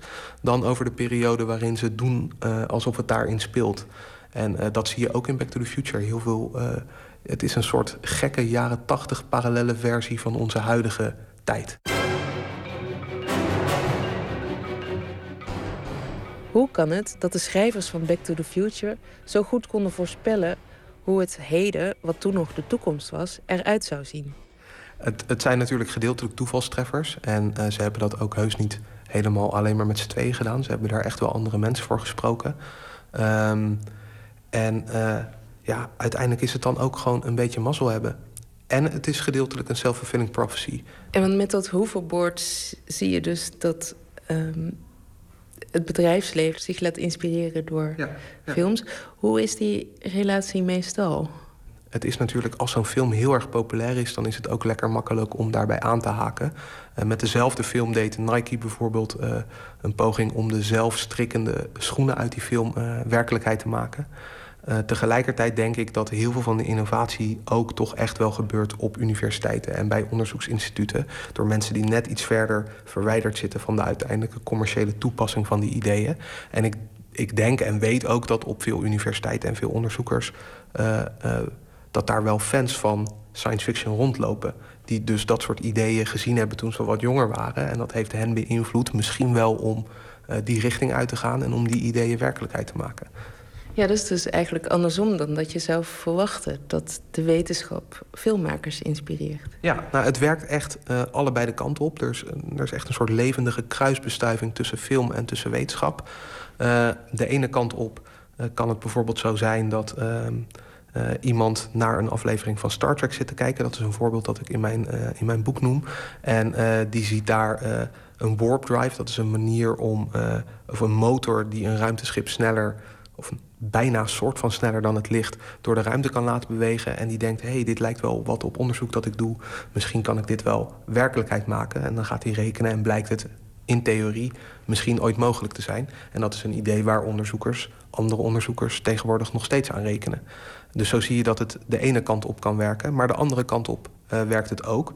Als uh, filmmakers tegenwoordig een, uh, een nieuwe film gaan maken, het script gaan schrijven of gaan beginnen met verfilmen, dan uh, kunnen ze, en dat doen ze ook heel vaak, een uh, groep inschakelen. Dat heet de Science and Entertainment Exchange. Dat is een, een, een groep in Amerika die wetenschappers en filmmakers aan elkaar koppelt. En dan kunnen zij vragen stellen over onderwerpen die in, dat film, die in hun film aan bod komen... om te kijken of dat wel of niet lekker matcht. Is er dan een soort overeenkomst tussen die wetenschappers en die science fiction filmmakers? Je schrijft in je boek iets over uh, dromen, dat dat de basis is? Ja, ja het zijn inderdaad dromen, maar misschien is nog beter om te zeggen dat het ideeën zijn. Ja, aansprekende ideeën waar je, waar je inderdaad ook een beetje bij weg kan dromen. Um, dat is voor zowel filmmakers als voor wetenschappers een soort van ja, de, de currency waar ze mee spelen. Wetenschappers vragen zich, of stellen zich dan vaak de vraag van... wat als ik dit of dit zou kunnen maken... of wat als ik dit en dit zou kunnen doen. Dat is dus net iets praktischer misschien. En filmmakers die denken eerder... wat zou er gebeuren als er dit of dit zou zijn? En uh, die gaan dan meer speculeren over de manier waarop je... Uh, waarop nieuwe technologieën zoals robots of tijdreizen of hoverboards... of enzovoort, waarop dat soort technologieën um, de wereld zouden veranderen. Everybody ready to say goodbye to our solar system? To our galaxy? Here we go. De films die nu gemaakt worden over de toekomst, kan je daar al een beetje van zeggen? Van, van, stel dat we dit gesprek dan over 50 jaar weer zouden hebben, over Interstellar of zo. Ja. Zijn er nu al dingen waarvan je denkt van nou, dat zou echt wel eens uit kunnen komen? Nou, de toekomst laat zich eigenlijk, blijkt ook uit de praktijk, elke keer weer vreselijk moeilijk voorspellen. Ehm, als je bijvoorbeeld kijkt naar Interstellar, dan eh, zou ik zeggen een ruimteschip bouwen waarmee je, zoals zij daar doen, eh, richting Jupiter vliegen. Prima, dat is geen enkel probleem. Ehm, mocht het zo blijken te zijn dat dergelijke wormgaten bestaan, zoals in die film, en die wormgaten zijn een soort tunnels door de ruimtetijd, waardoor je in één klap een enorme afstand kunt afleggen in hele korte tijd. Ehm, als die bestaan en als die groot genoeg zijn en stabiel genoeg zijn om daar doorheen te vliegen, ja, dan kun je je ook voorstellen dat je met zo'n ruimteschip naar een uh, ver sterrenstelsel kunt vliegen. Dat is in principe geen probleem. Um, maar in de praktijk verwacht ik dat dat daadwerkelijk gaat gebeuren. Dat is een heel moeilijk verhaal. Daar moeten die dingen eerst daadwerkelijk voor bestaan. En dat is nou net iets waar we geen invloed op kunnen uitoefenen. En zelf een wormgat bouwen, dat is heel erg moeilijk. Uh, maar als ze er zijn, ja, dan zouden we er in theorie ook wel doorheen kunnen vliegen. We'll find a way. We always have. En Nicolaou was dat in gesprek met uh, George van Hal, sterrenkundige en schrijver van het boek Robots, Aliens en Popcorn. Hij was ooit trambestuurder, Jaco Aino Kalevi, en hij heeft een uh, album gemaakt met uh, als titel zijn eigen naam. Hushdown is het nummer dat we gaan draaien.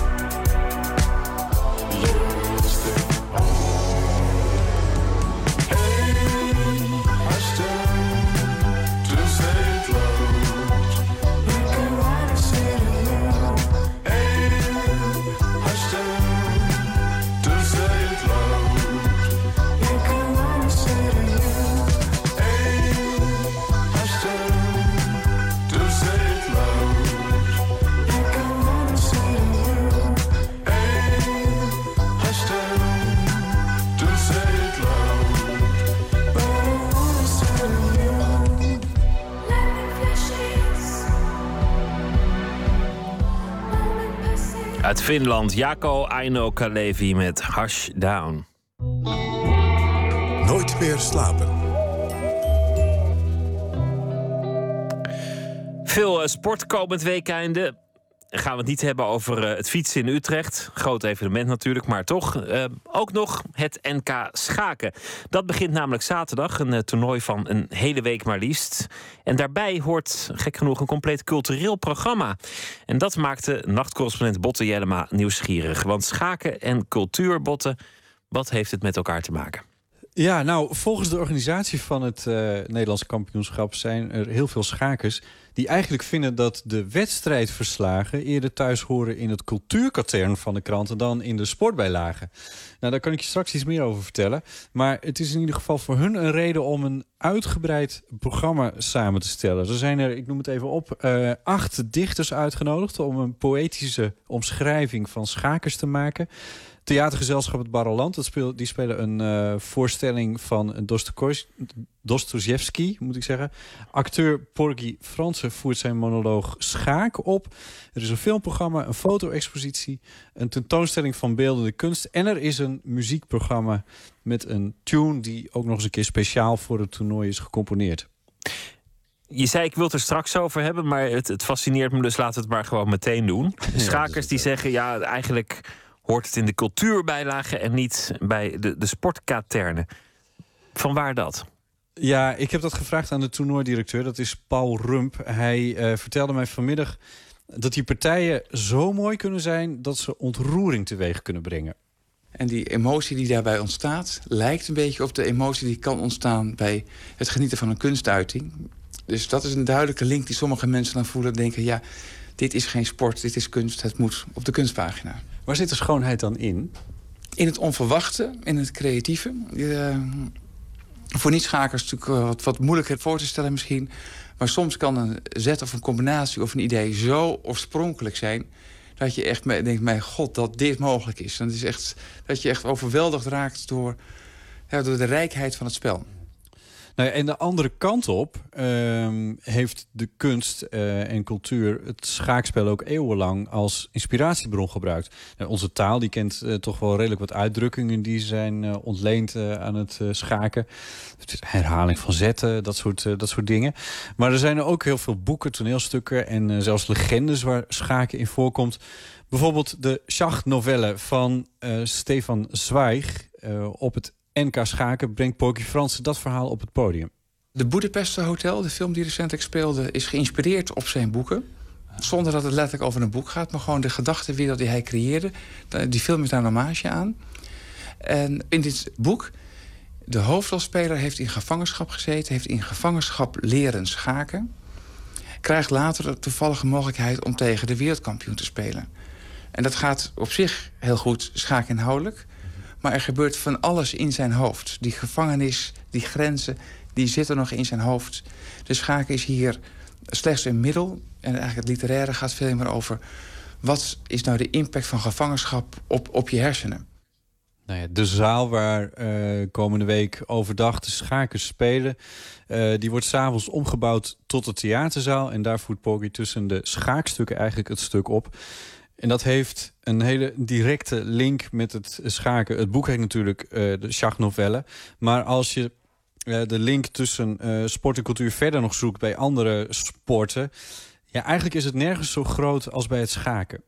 Ja, schaken... Ik zou bijna zeggen, om het alle Ruud Gullit...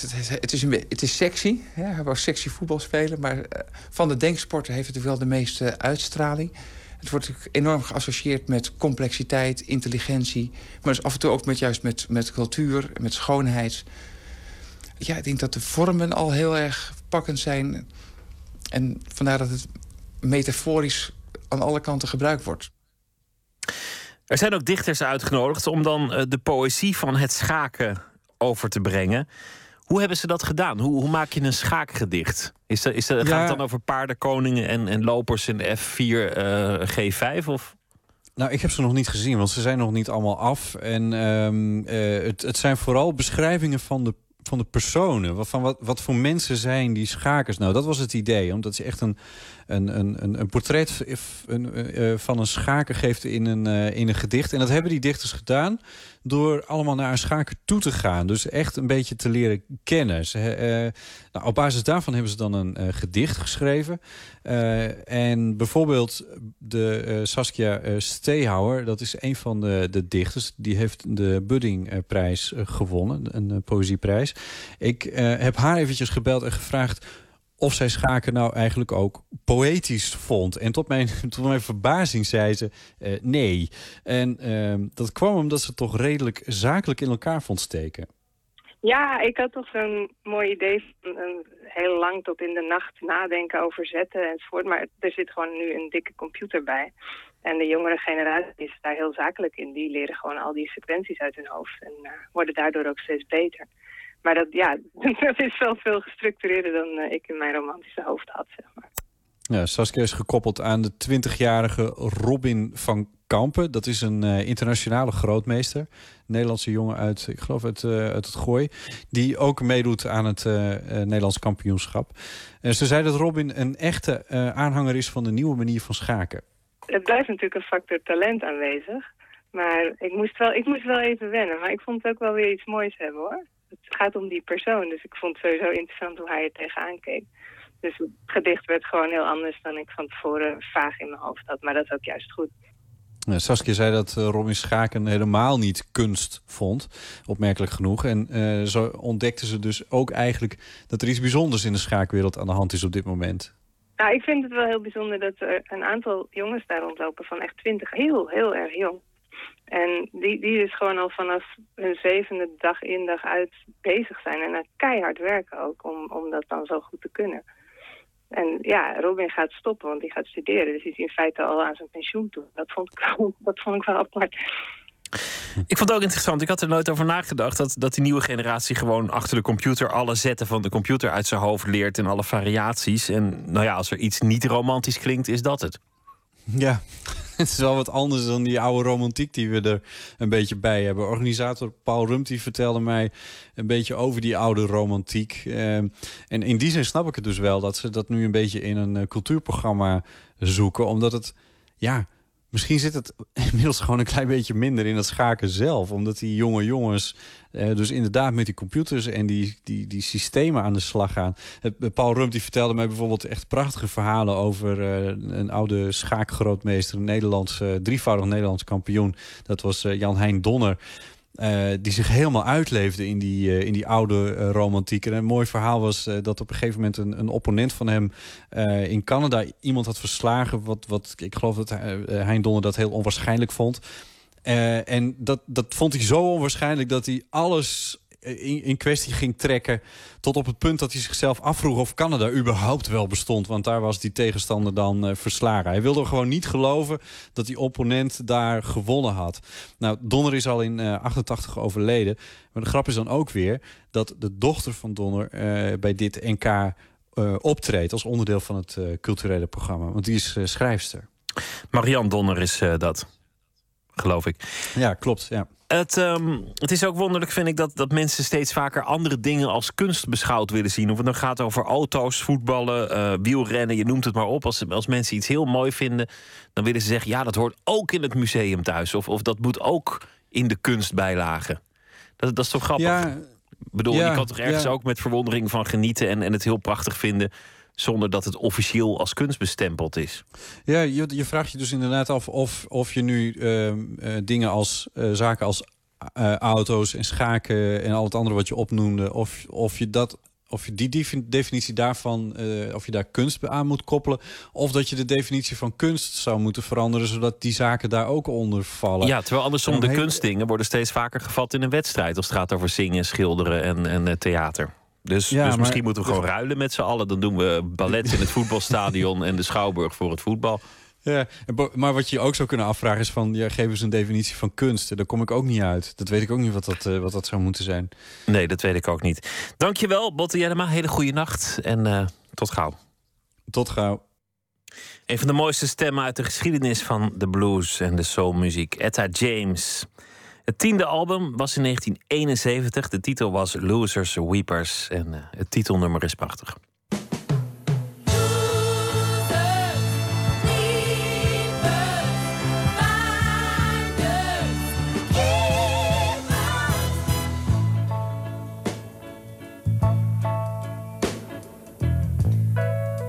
Now you put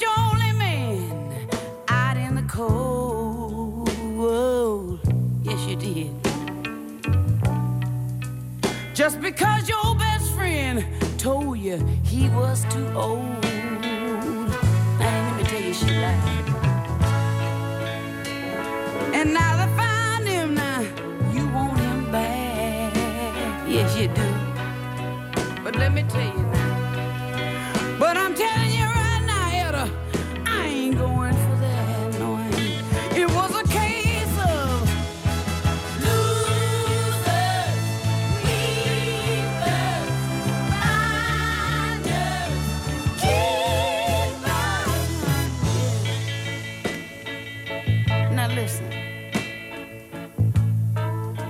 You know you cheated and you lied right to the end. Yes, you did. You even talked about your man to his best friend. And you ain't had no business doing that. Then you promised him if, if he'd come back, you'd never misuse him. But now he belongs to me, huh? And I ain't gonna, ain't gonna lose him. It was a case of uh, losers, weepers, finders, keepers. Oh.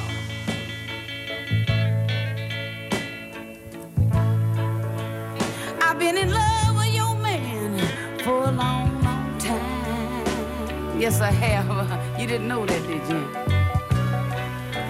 I've been trying to think of a way to make him mine. Now listen,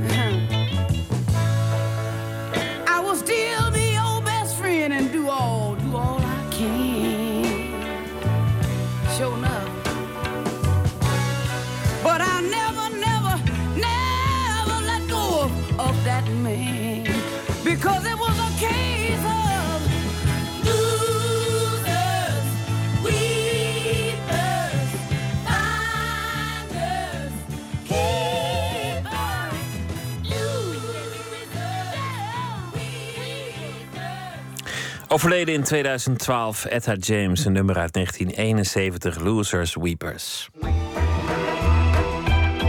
Nooit meer slapen. Zaterdag is het zover. De Tour de France gaat van start in Utrecht. Het project Tour des Arts wil de Utrechtse buitenwijken langs de route van de Tour de France verrijken met kunst.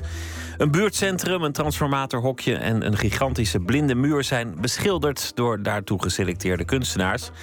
Anne Martens, onze verslaggever, die ging kijken, sprak een van die kunstenaars, Daniel Roosendaal, en de organisator Marije Leeuwens. Ik zat op de fiets. Ik hoorde op mijn radio, want ik luister altijd radio op de fiets, eh, hoorde ik dus dat de Tour de France naar Utrecht kwam. En eh, ik dus meteen kijken waar gaan ze allemaal rondfietsen. Toen ben ik dus die route gaan rijden. Marije Liewens is initiatiefneemster van Tour des Arts. Een project dat een paar lelijke muren langs de route van de Tour de France in Utrecht opkalevatert met muurschilderingen. Je vindt ze aan de Cartesiusweg en aan de Thomas A. Kempisweg. En toen zag ik dus inderdaad heel veel kansen, zoals ik dat dan noem. Uh, allemaal lege muren in buitenwijken uh, waar je iets moois op zou kunnen maken. Maar toen dacht je al meteen aan muurschilderingen? Ja, ik dacht het echt, eigenlijk meteen. Waarom dan? Ja, uh, ik denk dat dat komt gewoon als je in, in een wereldstad komt op dit moment, zoals Londen, Parijs, Berlijn, New York. Wat zie je overal op hele mooie grote muren? Zie je muurschilderingen. Waar maken mensen tegenwoordig vakantiefoto's van? Van dit soort muurschilderingen. Dus ik dacht juist, uh, we moeten mensen naar de buitenwijken lokken. We moeten die uh, muren mooier maken. We moeten die buitenwijken moeten we die eigenlijk niet zo mooi zijn, kunnen we omdraaien naar een visitekaartje. Door er dus mooie muurschildering op te maken. En als dan die camera's langskomen, dan is het in plaats van oh zucht, een buitenwijk, wanneer zien we weer iets moois? Eh, dan zie je dus deze schilderingen. Voor ons staan op een blinde muur van een flat twee gigantische portretten van de enige twee Nederlandse toerwinnaars ooit. Joop Zoetemelk en Jan Jansen. In rood, wit, blauw en oranje kleurvlakken. Het is een blinde muur van 200 vierkante meter. En eh, ja, er stond eigenlijk zo hoog als mensen zijn... stond er eigenlijk altijd verschillende namen van diverse graffiti-artiesten. En Want die tour die komt hier langs op ja, deze die, weg? die komt zo over de Cartesiusweg voor de kenners. Knalt hij over deze grote weg. En dan maakten ze hier een bocht van 90 graden. En dan fietsen ze rechtaf op de Douwe Egberts fabriek. En dan gaan ze over een brug en fietsen ze de stad uit. De maker van deze portretten is illustrator Daniel Roosendaal. Ja, en ik wist dus dat Daniel bezig was met dus die historische eh, wielrenners. Toen dacht ik, ja, die moeten hier. Eh, Ik ben een sportliefhebber. Dus ik heb al eerder eh, projecten eh, gedaan op eigen initiatief die geïnspireerd zijn door sport. Zoals met de Olympische Spelen in Sochi heb ik een serie gemaakt van winnaars in de diverse categorieën. Bij het WK van vorig jaar heb ik een serie gemaakt van de Nederlandse doelpunten. En van belangrijke momenten ook in de geschiedenis van het Nederlands elftal. En dit jaar, eh, nu de Tour ging starten in mijn eigen statie, zo gezegd... kon ik het natuurlijk niet laten om, eh, om ook iets met de Tour de France te doen. En heb ik een serie portretten gemaakt van eh, elf grote namen uit de wielergeschiedenis. Waaronder Joop Zoetemelk en Jan Jansen. De, nou ja, je ziet die blinde muur daar, die inmiddels niet meer blind is. en eh, daar eh, staan de twee eh, portretten van Jan Jansen en Joop Zoetemelk op. Die komen dus uit een serie en in die serie heb ik alle renners ook afgebeeld in hun landskleuren, zeg maar. Dus in dit geval hield dat in rood, wit, blauw en oranje. Vandaar dat, dat deze kleuren gekozen zijn. En zwarte achtergrond, eh, die nog wat opgebroken is door, eh, door eh, of, ik moet zeggen, een antracietkleurige achtergrond die nog wat opgebroken is door zwarte vlakken. Ja, en daarbij de namen van de renners en het jaar waarin zij de Tour de France hebben gewonnen. Want het zijn tenslotte onze enige twee Tour de France winnaars. En hoe ben je te werk gegaan hier met die grote muur? Was het voor het Ja. eerst dat je zo groot kon werken? Ik heb eh, vroeger, en dan heb ik het over 10, 15 jaar geleden, eh, eh, een tijd aan gravity gedaan. Daardoor ben ik wel gewend om op groot formaat te werken. Maar dit is wel eventjes nog een paar slagjes groter dan dat ik toen deed. Dus dit was wel nieuw voor mij. En nou ja, er stond, we hebben gelukkig kunnen regelen eh, dat er een sponsor, een, eh, sponsor was die de, die de steiger eh, neer kon zetten. Dus het was een steiger van zes verdiepingen. Kun je nog even het moment beschrijven dat je beneden de muur stond en die stijger stond er? Waar, waar ging je beginnen? Hoe was dat? daadwerkelijk begin, begin, zeg maar, heb ik eigenlijk niet eens zo lang over nagedacht. Het was gewoon een kwestie van die pot antraciet halen en gewoon beginnen met dichtrollen die hap. Gewoon helemaal naar boven lopen, gewoon zoals het hoort, bovenaan beginnen en helemaal eh, naar beneden rollen. En eh, nadat ik de muur in antraciet had geschilderd, hebben we met, eh, met een grote beamer vanaf de overkant van de weg de portretten erop gebeamd. Daar had ik lijntekeningen van gemaakt, zodat ze duidelijker zichtbaar waren. De portretten zijn opgebouwd uit allemaal kleurvlakken. Dus in die zin was het eh, eh, eh, ja, relatief simpel om, het, om het op te bouwen. En toen was het eigenlijk gewoon een mega kleurplaat die ik in moest kleuren. Maar dat klinkt wel makkelijker dan dat het uiteindelijk was hoor. Een beetje vergelijkbaar misschien met een soort bergetappe of zo. En ja, het moment dat dan die stijger weggaat, of eigenlijk het moment de avond voordat de stijger wegging, eh, was nog wel even spannend. Want ja, dan fiets je weg en dan denk je van oké, nu moet wel alles goed zijn. Want morgenochtend om half acht wordt de stijger weggehaald. En dan kan ik niks meer aanpassen als ik zie dat er ergens bovenaan toch nog een foutje zit of zo. Maar eh, nou, toen ik er de volgende ochtend naartoe fietste, was ik hartstikke tevreden. Dus eh, dat is mijns inziens helemaal goed gekomen. Hoe waren echt de reacties tijdens je werk van buurtbewoners? Ja, die waren heel leuk. Eh, eigenlijk alleen maar positieve reacties gehad. En ehm, wat me ook nog wel op is gevallen, en dat vind ik ook wel frappant of grappig. Er komen hier ook heel veel eh, mensen, vooral nu natuurlijk langs, die hier aan het, aan, het, eh, aan het wielrennen zijn. Dus echt in outfit op racefietsen. En die lijkt het niet op te vallen juist. Ik heb daar, op een gegeven moment ben ik daar een beetje op gaan letten. Want eh, ja, je zit toch te kijken van wie er, wie naar je kijkt als je bezig bent, een beetje zo af en toe. En het, en het is me heel erg op gaan vallen dat ze niet echt eh, om hen heen kijken terwijl ze aan het fietsen zijn. Eh, nu telkens als ik hier nog ben om nog wat laatste puntjes op de i te zetten of zo, zie ik het de hele tijd weer dat er wielrenners langskomen. Maar die zien het niet echt. Althans, zo lijkt het voor mij. We lopen nu naar een transformatorhuisje toe. Wat ook antraciet gesverfd is met een hele grote gele cirkel erop. Zon, hè? Ja, een soort zon, een geel. De kleur van de Tour de France. Maar het wordt wel een heel abstract werk. Dat van Daniel is nog relatief eh, figuratief. Op het transformatorhuisje staan twee schilderingen van de Utrechtse kunstenaars Woed en Morris. En eh, ik heb gehoord, maar ik weet niet zeker of het waar is... dat daar ook een camera op komt te staan. Maar hoe dat nou precies zit met dat filmen... dat blijft allemaal een beetje ingewikkeld om achter te komen. Oh, dat hij op dat transformatorhuisje komt staan. Ah ja. Oh, dan kijkt hij precies dus naar jouw muur. Ja, dat zou Het, het het lijkt me een hele logische optie, want dan heb je zicht op de Cartesiusweg van waaruit ze aankomen fietsen. En je hebt zicht op de gele brug waar ze naartoe fietsen. Dus dan Ja. pakken ze zo die bocht in het hele beeld mee. En om de hoek staat buurthuis De Boeg. Beschilderd door duo Graphic Surgery. Uh, Graphic Surgery is een ja, kunstenaarsduo of grafisch vormgeversduo. Het zit allemaal een beetje... Ja, eh, het mixt allemaal. Of ze nou autonoom... Ze maken autonome kunstwerken. Ze maken dit soort street art, zoals dat dan heet. Of urbane kunst. Eh, maar ze doen ook vormgevingswerk. Ik, eh, ja, ik zou je een foto kunnen laten zien hoe het er eerst uitzag. Maar eh, ja, er stonden hier dus zelfs over de ramen heen stonden allemaal ja, graffiti pieces.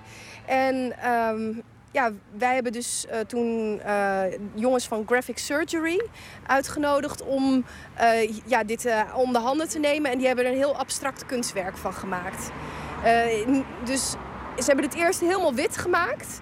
En over het witte vlak hebben zij ja, diagonale zwarte lijnen getrokken. Het lijkt een beetje op de ja, op schaduwen van stellages of van eh, stijgerwerk.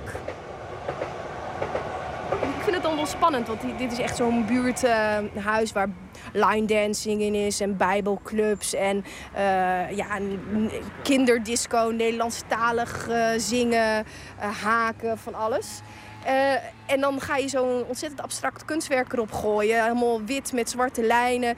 En dan denk ik wel even zo van... Oeh, wat gaan ze ervan vinden? Wat vindt de dartclub ervan?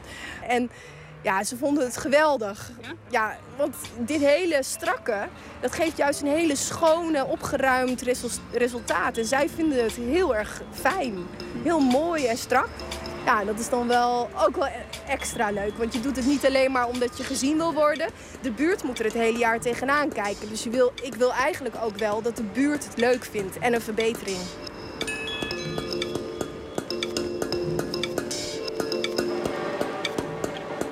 Reportage van Anne Martens over Tour des muurschildering project in Utrecht-West. De portretten van de wielrenners zijn nog wel een jaar of tien al daar te zien. Maar je kunt ze ook gewoon bekijken op de website van Daniel Roosendaal. En dat is uh, danielroosendaal.com.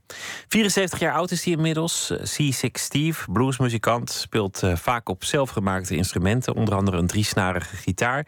Hij komt in september voor een aantal optredens naar Nederland. We gaan luisteren naar een van zijn nummers, Heart Full of Scars.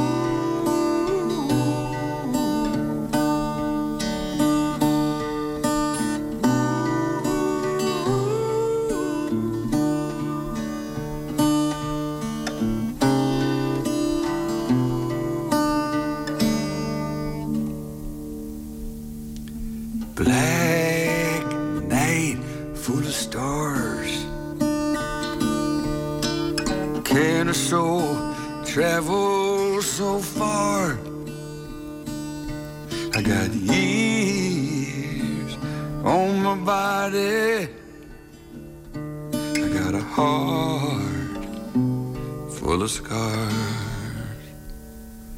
I got a heart full of scars. I got a heart. I got a heart.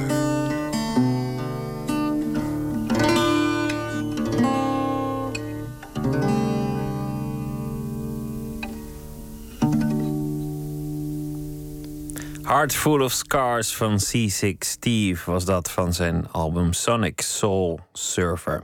Peter van Lier is dichter en essayist. Deze week zal hij elke nacht een gedicht voordragen. Hij heeft eh, zelf meerdere bundels gemaakt, waarvan de laatste als titel draagt Wisseling van de Wacht, samen met beeldend kunstenaar Machteld van Buren. Hij draagt voor een eigen gedicht en eh, een titel heeft het gedicht nooit gekregen.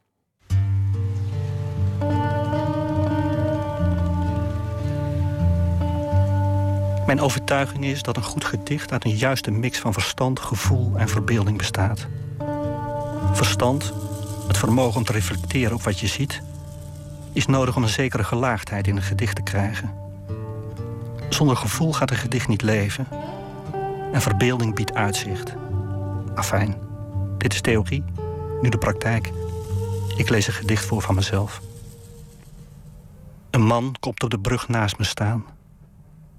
Samen kijken we uit over de minigracht. Zo.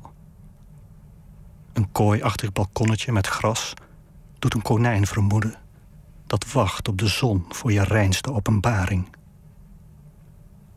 Als het water is gezakt en de algen op de gevels zich handhaven, zonder enige bemoeienis in alle kleuren groen, creëert een groep eenden uit enthousiasme een boeggolfje dat alle gedachten aan wind overbodig maakt voor de continuering van een leven. Ja, zo. Een titelloos gedicht van Peter van Lier, voorgelezen door de dichter zelf. Dit was Nooit meer slapen voor deze nacht. Morgen zit hier Estenomi Perkin en uh, dan komt Lucas de Waard langs. Hij uh, is schrijver en hij heeft zijn eh, romandebuut uitgebracht. Ook uh, Jan Siebelink hoort u morgen. We gaan samen met hem naar de filmset waar zijn boek Knielen op een bed vol violen wordt verfilmd. Wens ik u voor nu een hele goede nacht en uh, morgen een leuke dag. En ik uh, hoop dat u dan weer zult luisteren. En uh, zo meteen op deze zender kunt u luisteren naar uh, De Nachtzuster van Omroep Max. En nou ja, het concept is bekend en ik wens u daarbij heel veel plezier. En wens u alvast een hele goede nacht.